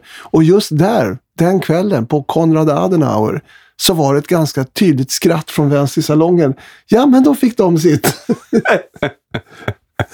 Något sånt. Det var ju, det var ju, jag, jag var ju väldigt road av det. Att liksom, Ja, men det var ju en avancerad namedropping ibland Ja. som, som krävde att man hade lite, lite koll på. ja, eller att man bara mm, väntar på nästa namn. Som Ja. kom Ja. från en helt annan ort. Bastusnack. Du kastar in i projekt efter projekt och säger ja, du gör någon barnskiva. Jaha, får du en Grammis. Och du gör något kul eh, program med någon jänkare som har varit där. Då får du en Emmy. Ja. Det är ändå, jag tycker det var, när man kommer hem till dig och ser den här, framförallt den här Emmyn. Ja, det är en rätt. riktig jävla pokal. Jag har varit hemma hos folk som har fått en amerikansk Grammy, men jag har aldrig sett en Emmy. Jag vet Nej. ingen som har en Emmy. tror jag. Egentligen vill man inte säga hur var det, var det spännande, utan jag undrar bara vilka var det som inte fick den? Ja, men först måste jag säga, det, liksom, när jag fick det samtalet. Du har något väldigt roligt att berätta. Då tänker man, ja, alltid någon som, ja, det brukar aldrig vara så där kul som det. Liksom, det vi har fått en, äh, du vet, någonting som är, Mm. de skrev bra i någon tidning. Jaha, jo, jo. Eller så här. Så det brukar inte vara så kul som det, de, men den här gången var det liksom, ni nominerade till en Emmy. Det var redan där var det. Alltså att vi fick den, det var ju bara... Nej, nej, visst, jag minns det. Ja. det är ju, Ja. ja. vilka som... Jag vet, det var, något, var ett äh, engelskt program som väldigt som jag inte kommer ihåg vad det hette. Va, Vänta, vad gick det? Vänta, jag kommer ihåg vad de gick ut på. Kommer ihåg det, ett brasilianskt bidrag som var roligt, men svårt att göra. Det byggde på en jätteflashig, populär brasiliansk stjärna som åkte hem och bodde hos vanliga familjer. Och hon var väldigt eh, färgstark och utlevande. Så det blev kraschar. Men jag tror att det var, ja, det var ett. Sen var det något faktiskt skitkonstigt asiatiskt program som jag inte riktigt förstod. Men sen var det här engelska, vad fasen var det då? Det var något som är, är något, något format som är populärt, men jag kommer inte ihåg vilket det var. Och så var det något till. Jag kommer inte ihåg. Jag tittade inte så mycket på de andra. nej, man brukar inte göra det. Vi, vi, vi fick ju det här priset och, och då liksom, det var... Sen försvann ju den där galan helt. Då gick man upp på scenen, tog emot det, hojtade någonting. Höll ett litet... Nej, jo, jag sa, det, var, det var Christer som fick prata. Sen försvann vi bakom scenen och sen så... Sen blev det svart. Det var så. Sen sitter jag sent på natten på ett hotellrum med, med SVT, liksom chefer och, och ska livesända. Det var, det var väldigt lustigt att sitta där med. Jag brukar inte ha så jättemycket kontakt med SVT överhuvudtaget. Man satt där med en ganska illuster skala, rund under fötterna på ett hotellrum i, på Manhattan och livesänder. Det var roligt. Det var roligt. Det var väldigt roligt. Det är knäckande att få. Mm. Det är bra. Det är ju ingenting man tror att man ska... Nej, det kom, det, Det det, kom från ingenstans. Jag visste inte ens att vi hade sökt. Eller, liksom, eller hur, hur det går till. Mm. Men ja, jag tror inte. Ja, just det, du har fått väl en och annan kristall också? Va? Bara en. Har du bara fått en kristall? Ja, bara en. Jag var Ja, nominerad så här, tio år i rad, men det var, Ja. varje år var det Christian Luuk. Ja, Christian. Så, Ja, men så du har på. kristall, Emmy, Grammis. Ja, det är det jag har. Det, Sen, är- ja, det är bra. det är rätt schysst. Jag tycker det är bra. det är Guldbagge bra. då? Ja, det skulle vara det. Jag var med i en film där Christer Henriksson blev nominerad till bästa biroll. Det var jag som hade huvudrollen. Är det där du är fotbolls... Ja. Den har jag sett. Ja, det är svårt att säga att det Ja. måste ni se. Det säger, det säger man inte. Nej. Det, jag tror att den Ja. blir lite rolig med åren kanske. Ja. Den är lite gullig tycker Det jag. är gulligt. Vad knepig Ja. story. Jag förstod inte själv riktigt storyn sådär. Nej. Men det tror jag. nej. Mm. Men, det var, men du fick gå på galan i alla fall? Ja, Nej, jo, ja. det var, jag kommer ihåg. Jag var på galan. Det var, så jag satt där och jag satt... Jag var själv. Och så vet jag att Anneli Rydé, var hon, höll hon i det eller hon, hon tyckte det var så otroligt stiff tillställning. Men så hade hon fått syn på mig i publiken så jag satt själv och sken som en sol. Och hon tyckte att, jag, kom, jag blev väldigt glad att hon hade... Var hon uppe och sjöng? Hon var uppe och. Var det i Blå hallen? Ja, men det var, det var något så här pampigt Ja, ställe. för jag jobbade då Ja, jättemycket med henne. Jag tror Ja. jag jo- gjorde, jobbade då faktiskt. Ja, 96, 97 Ja, någon gång. ja, Ja, det ja, gjorde det nog. ja. Det tror jag till och med att jag visste. Ja. Ja, ja, det blev säkert. då hade vi kunnat setts där. Men jag tror jag avvek rätt hastigt och lustigt från den där tillställningen. Men jag tror vi sågs... Nej, det var en Grammisgala Ja, Berns. ja men det var jag på. Med Anneli jag, också. jag höll ju en Grammisgala. Och är oklart när bara. Jag tror det var 94. Ja, det Jag kan... och Johanna Westman. ja, just det. Väldigt roligt. Ja. Och, Men det var ju på den tiden. Grammisgalorna var Ja, partajgalor. det var slut. Vi var ju Det var ju både bra och dåligt. Ja, precis. Vi var ju förvarnade, men det var vi hade ju lika gärna stått och försökt prata liksom in till Niagarafallet. Eh, Det var ju sånt enormt brus efter Ja. bara liksom tre, fyra utdelningar. Så vi stod där och liksom, ja, det var som att stå och prata. Liksom. Vi hörde inte varandra, hörde ingenting. Det var bara, bara ah! Fast någonting var med de där att, att idag tycker jag Grammis, alltså de flesta av de där galorna, man försöker, man slår knut på sig själv, men det blir oftast ganska tråkigt för alla utom de som möjligtvis är nominerade eller i Ja. branschen. Ja, men ju... Men då var det ju kul för att det var ju, det var ju synd det här som de gick upp och sa om Arvingarna den där gången. För annars hade det väl aldrig hänt att man... Var det, undrar om det var den gången som jag och Johanna Det kan det ha varit, för det här var på Grand när de, när de snackade om... Fast det var- var det Popsicle Det var, jag, var, jag var nominerad några Ja. gånger på den tiden. Det var Popsicle var det väl va? Och det var Arvingarna som de Ja. önskade all olycka i världen. Och det var så dåligt. Det hörde ju till, alltså det var ju inte bra, så jag ska inte försvara, men, men så var det ju alltid. Det var alltid någon som sa något olämpligt. Ja, och det får man, men det blev en så stor grej och så vill jag minnas att sen så blev det där, nej vi ska inte sända. Först så skulle de inte sända direkt för att de skulle kunna banda och klippa bort. Och sen så skilde man på middagen och, och galan, vilket gjorde att jag har gått på någon sån gala och då, då sitter man i två timmar och är så jävla hungrig. För man får äta Ja, men så de sent. Här- i Kristallen sist också. Ja, det var, det var nej. lite så här. det, Ja, det är inte samma nej, glamour som nej. förr. Samma fest och, Nej. Och härligt och roligt. Det ska vara fest och gala. Jo, men jag vet om Ja. jag har polare som har fått den amerikanska Grammisen och det är ju, då är det så förfester och grejer för de som är nominerade. Mm. De träffas och... Ja, Hade ni det också? Ja, men det var, det var ju, Det var ju jag de fattade ingenting. Det Ja. var ju så här, ja, den var ju, först och främst var ju bjudna på drink i FN-skrapan. But why? I don't know. Men liksom, Ja. så där går vi förbi uh, Reutersvärds pickadoll och liksom Ja. åker hissen upp och, och dricker drinkar med utsikt över Hudsonfloden och liksom fatt, jag har ingen aning. Varf, varför i helvete?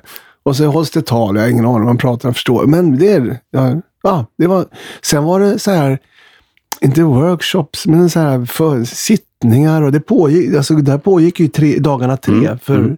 innan vi liksom stolpade upp och fick vårt pris. Så det var ju, Det är ju rätt kul. Så ja det ju var här. jätteroligt. Nej, Här är det, drar man iväg på här får man inte ens pris Nej. Nej, exakt. exakt. i mitt fall. Men du jobbar ju åtminstone med något där du kan få ett pris. Jag kan inte få ett skit. Är det så? Ja, alltså- Alar, Alar fick ju pris. Ja, Alar Surnad, ja, välförtjänt. ja. ja han, fick ju, han fick ju den gyllene regeln. Ja. Ja. ja. Du, Ja, vad, den- vad hindrar dig från att få Nej, ja, kanske om 20 år. Ja. ja. Nej, och där var ju taskigt mot Adar. Så gammal är han inte, men han är en legend. Eh, Men jag Ja. tycker att jag är nog för ung för att få gyllene regeln, tror jag. Det, det är ändå en... Är det det- åldersreglerat tror du? Nej, men det är lifetime. Han har ju ändå några billboard-ettor på... Det har inte jag. Nej, men du har ju eh, alltså den CVt på liveshower. Så Oh ja. många så många virvlar som du har rattat till. Och man kanske kan få pris för det. Ja. Ja. De la ju ner Guldmasken. För ett tag tänkte jag att om Guldmasken, så här, ja men man kan om man har tur. Om man bara orkar jobba till pensionen kanske man får en hedersguldmask. Det kunde man ju få, för det fanns inga kategorier annars. Nej. Det var några som fick. Har de lagt Men- ner Guldmasken? Ja, det är flera år sedan. Jaha. Jag vet inte varför. Det var för dyrt. Eller Ja. Vi Men, var ju eh, nominerade första året med ja, Rea. ja. Men vi, var ju inte, vi kände ju att äh, vi skyllde på. Vi var ju inte del i Men det var ju av... familjen. Nej. Liksom. Ja, nej, Jag kände att det var av någon sorts artighet också eftersom galan gick på börsen. Var det? Ja, det- Nej, vi var väl någon annanstans. Nej, vi var på börsen. Ja. Och det var bara därför vi... Ja, det vet jag. Ja, skitsamma. Nej, det var, det var kasta Vi borde ha fått det. Alla är överens Ja, om det. Det är absolut. snacka om. Jag är fortfarande bitter. Ja, ja, ja. fy, usch. Absolut. Nej, men priser är kul. Kul att ha. Ja. Nej, var vi klara Ja, med ja, jag har och du har inte. Jag tror Nej. kokade ner till Ja, vi kokade ner det till det. Ja. Precis. Ja, men fan, jag kan få poddpris kanske. Finns det några sådana? Det tror jag absolut. Ja, grymt. Det finns en jättepopulär poddgala någonstans Ja. och de behöver en konferenser. Och de kommer, Ja. och de kommer, det, där Då kan någonstans. du vara det Ja. och sen så kan du säga att ursäkta, men jag ställer inte upp om det inte går ett pris till. Självklart. Det är så det går till. Det har blivit dags för... Skämskudden. Herregud vad pinsamt. Skämskudden. Nej, inte den där gamla demon. Har du överhuvudtaget gjort någonting som du skäms för? Ja, det har jag väl. Men, men liksom, mm, det här låter ju som är otroligt självgott, men jag kan inte påstå att jag har gjort något, eller i varje fall särskilt mycket som jag skäms för i tv radiovärlden. Och det, däremot eh, kanske inte alltid blivit så bra, men jag står Nej, för det. Och, och jag, liksom, jag har lagt ner mig så jävla mycket i allting. Så det, det som plågar mig ibland, och det är inte för att, jag, för att det var dåligt, och inte, jag står för det också, men jag, jo, eh, mitt senaste sommarprogram, Vad glad jag är att du inte säger sista. Du säger senaste. Det vet ju, de, de pausar lite, men nog fan, de blir tvungna. Förr eller sen. Uh, jo, men då har jag ett parti där som, som det föll ut och i sammanhanget det till sist hamnade så blev det nog skämskudde på det. Ska jag berätta vad då? Ja, Ja, då var det så här att eh, möjligtvis att jag rycktes med i den här lite eh, Eh, trenden som ju, ett kravet på att um, man måste ha, visa på lite svärta och, och något, liksom, någon djävulsk motgång i hälsa eller liksom utsatt eller någonting. Um, och gör man inte det så är man lite dum i huvudet. Och då, det som har varit starkt för mig i min yrkeskarriär, det är ju att jag har någon slags klassgrej. Då är det ja, att jag kommer från en, en relativt enkel bakgrund och har väldigt lite av hyfs och fason och uppfostran. Och i viss mån kunskap. Det är liksom en, lite åt det ordblinda hållet och ja, det är hiskliga luckor i, i min uppfostran och min utbildning. det är ju ingenting som vi runt omkring dig märker. Nej, det är skickligt. Ja, mycket. Men det händer sig ibland att, att jag, och framförallt i början, när, när jag började liksom jobba med, med eh, tv och så, så var det ändå så att det kommer ju väldigt få från min bakgrund. De, liksom, de flesta är ju ändå villa och radhusbarn och för mig var det en skitstor skillnad. Och för mig har det varit besvärligt när, eh, när det blir fint. Och i, i, i det här programmet så pratade jag om det och jag tyckte att jag formulerade ganska bra. Jag tycker att det är, liksom, det är ett jävla oskick med klasskillnader och, och liksom kutym och uppförandekoder. Jag tycker det är liksom en, en hemlig överenskommelse som jag inte alls gillar. Fine, det var, det var okej. Jag tycker att det var, jag kunde ha hoppat över det, för det är en sån skitsak. Och jag tycker själv också att vid den åldern, och det har ju kommit över det. Det var, det var värre då, varför ska jag ta upp det nu?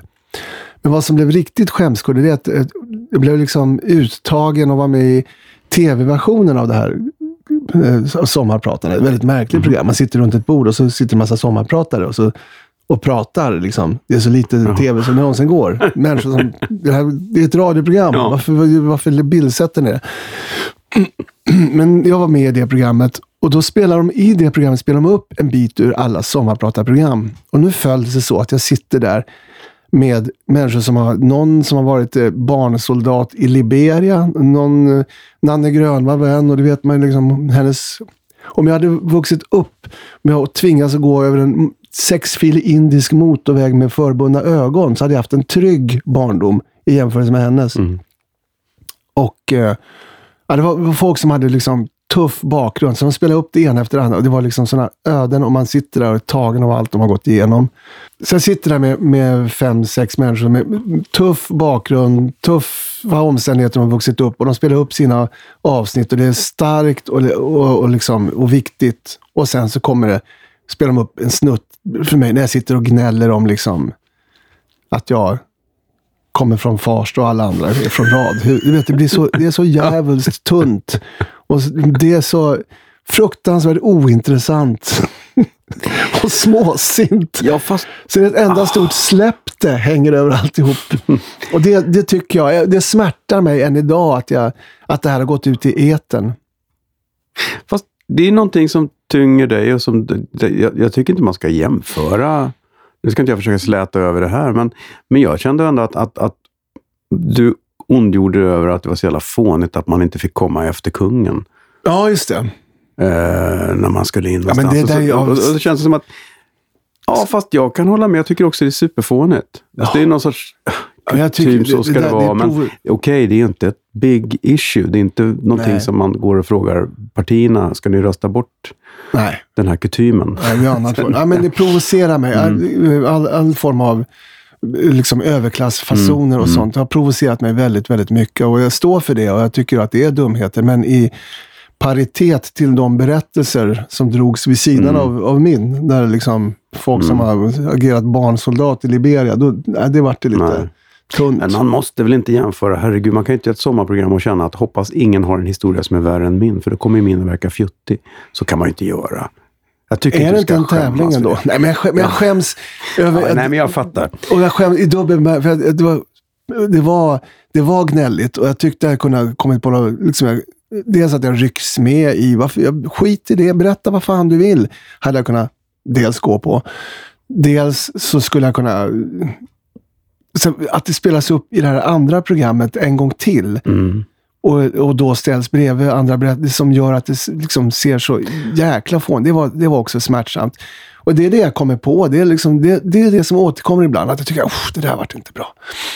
Men sen har jag, däremot så tror jag säkert, eller tror, det är klart jag varit kass. Liksom. Jag har tagit i för mycket. Jag skulle vara så jävla fyndig någon gång. Du vet, några allsångspåer. Man har snurrat in sig i något som är så sjukt underfundigt så att det är bara jag och fyra andra någonstans som är med på vad det går ut på. Eller sådär. Det är klart att jag har hängett mig till att försöka vara underfundig på ett sätt som inte alltid riktigt... Jag tycker det är härligt. Ja. Att, att, att, det var ju vissa resketcher som också var väldigt lundinska, väldigt Monty Python-intellektuella på något sätt, om det nu ens är ett ord.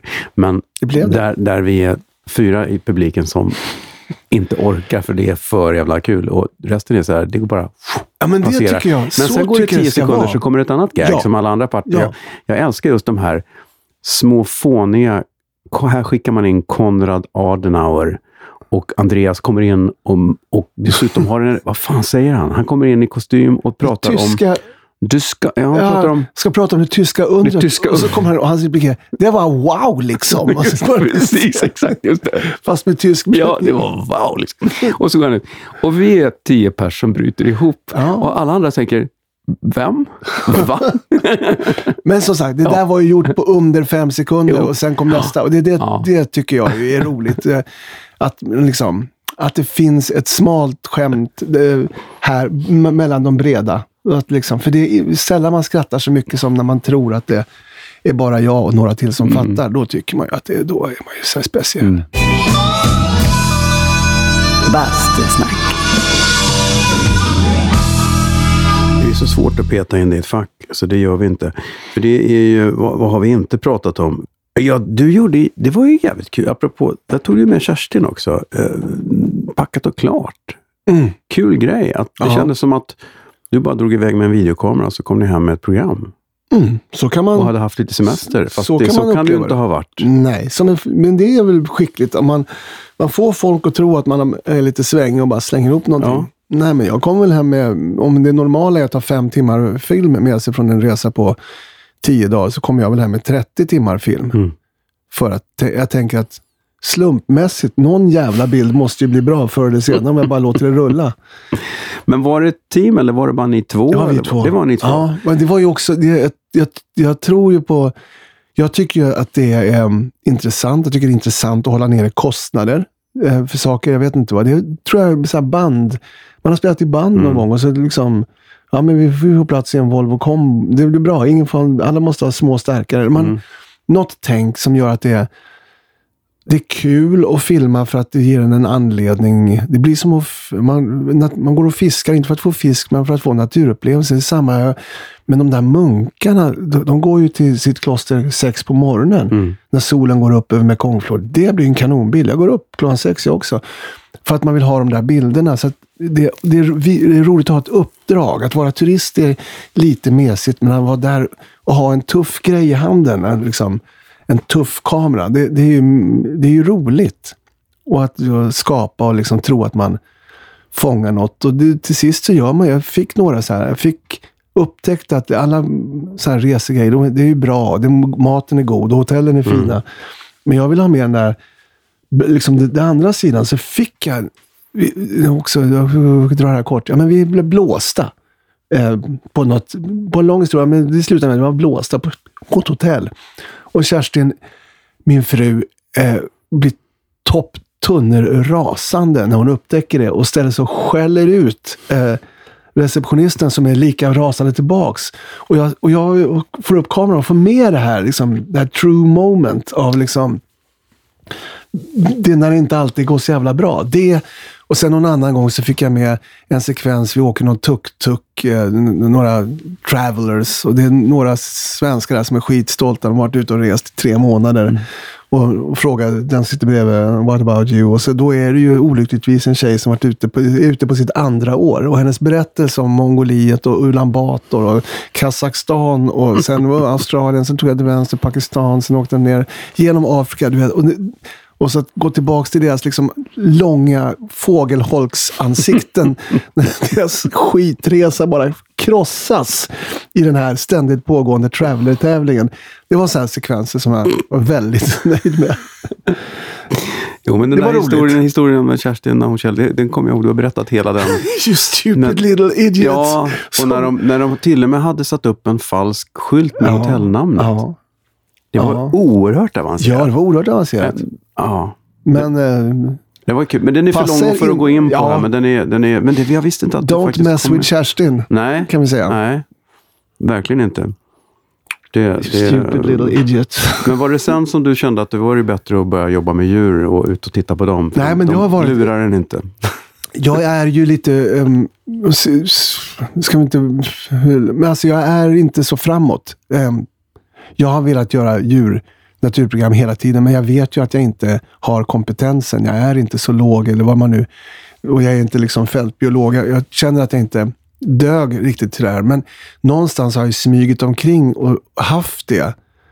Sen gjorde jag ju då, jag, jag, eh, i 20 års ålder blev jag fascinerad av snöleopard. Och sen har ju det pågått. Den har ju varit en parallell, eh, som ett totemdjur i, i mitt eh, liv. Och eh, så får jag till sist, efter många om en, ny som en svensk forskare som bor i, ett, i en jurta i, i, i Gobiöknen. Och eh, ja, men hur det nu blir och lägger ut trådar. Det tar väl inte många år förrän jag för så lång tid är det för mig. Men jag, till sist har ju han, jag hans mejladress och till sist kom jag ju på en anledning att mejla honom. Som för övrigt har med det här sommarpratarprogrammet att göra. Jag behövde en story och då kom jag på, ja.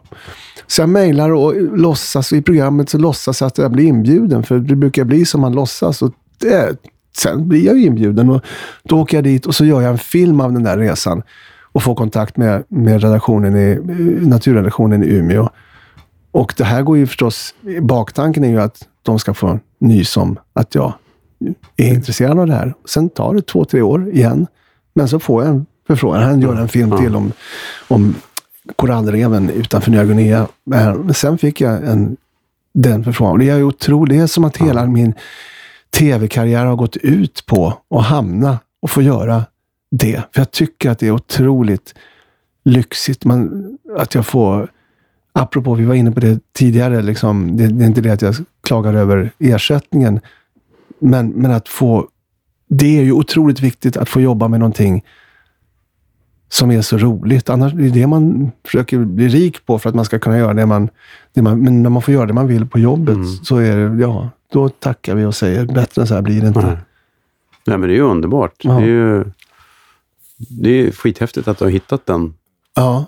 Ja. den nischen. Men du har Ja. ju liksom den nischen och sen har du den här historielärarnischen Ja, och det är fortfarande. med Allt för Sverige. är Det är samma sak där också. Vilken, tur såklart, men jag har väl varit ihärdig och ambitiös också. Men, men ändå, en blandning ändå. Att jag får jobba med, med det som jag är så intresserad och ganska bra på. Ja.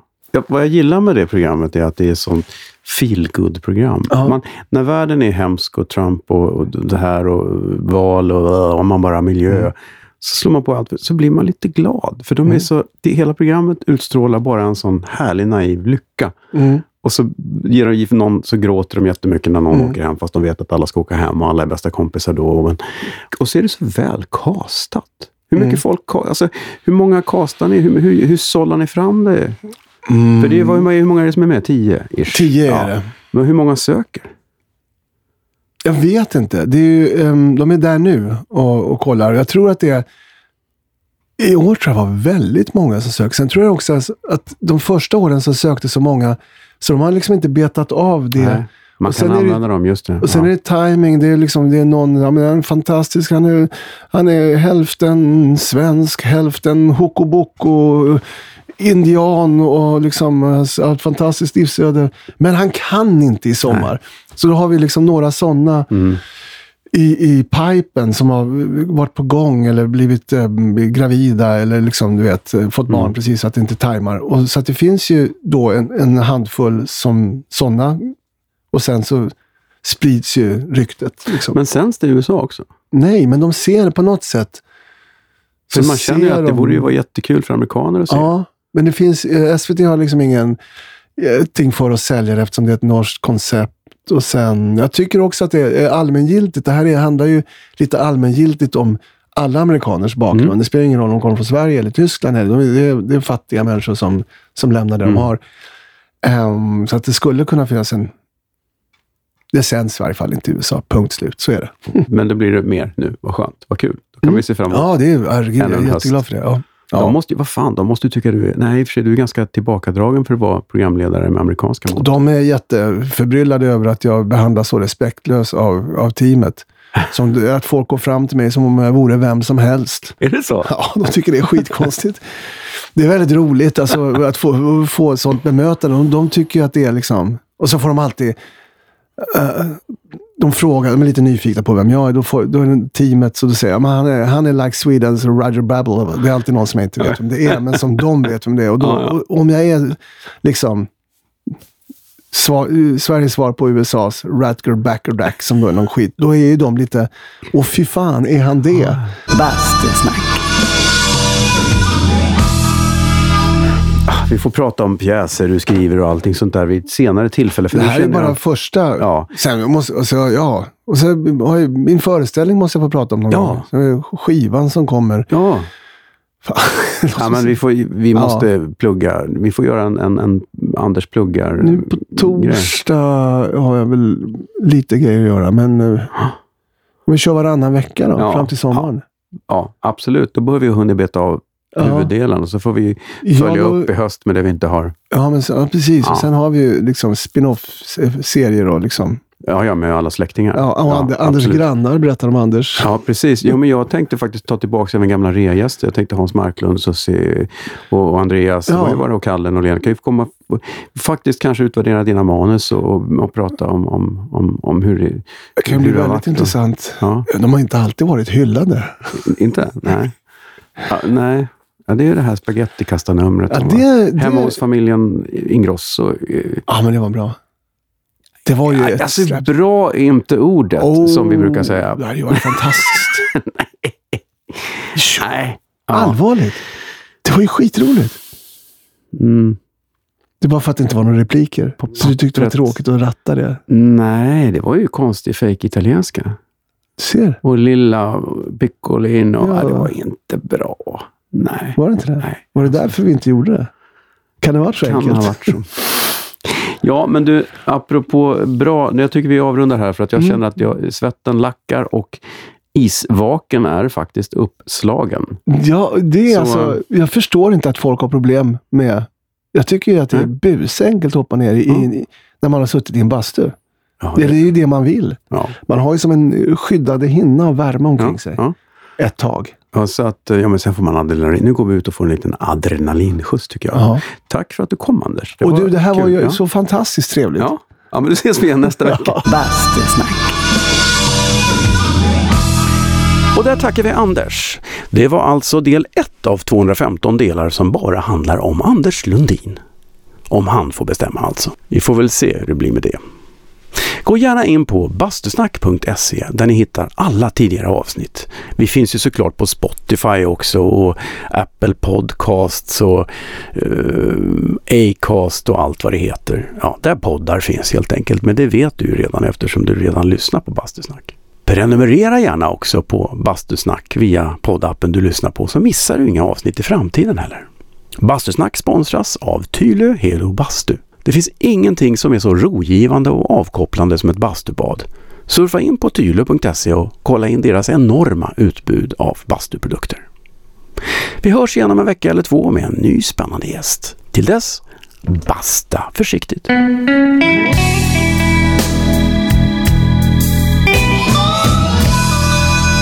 Bastusnack.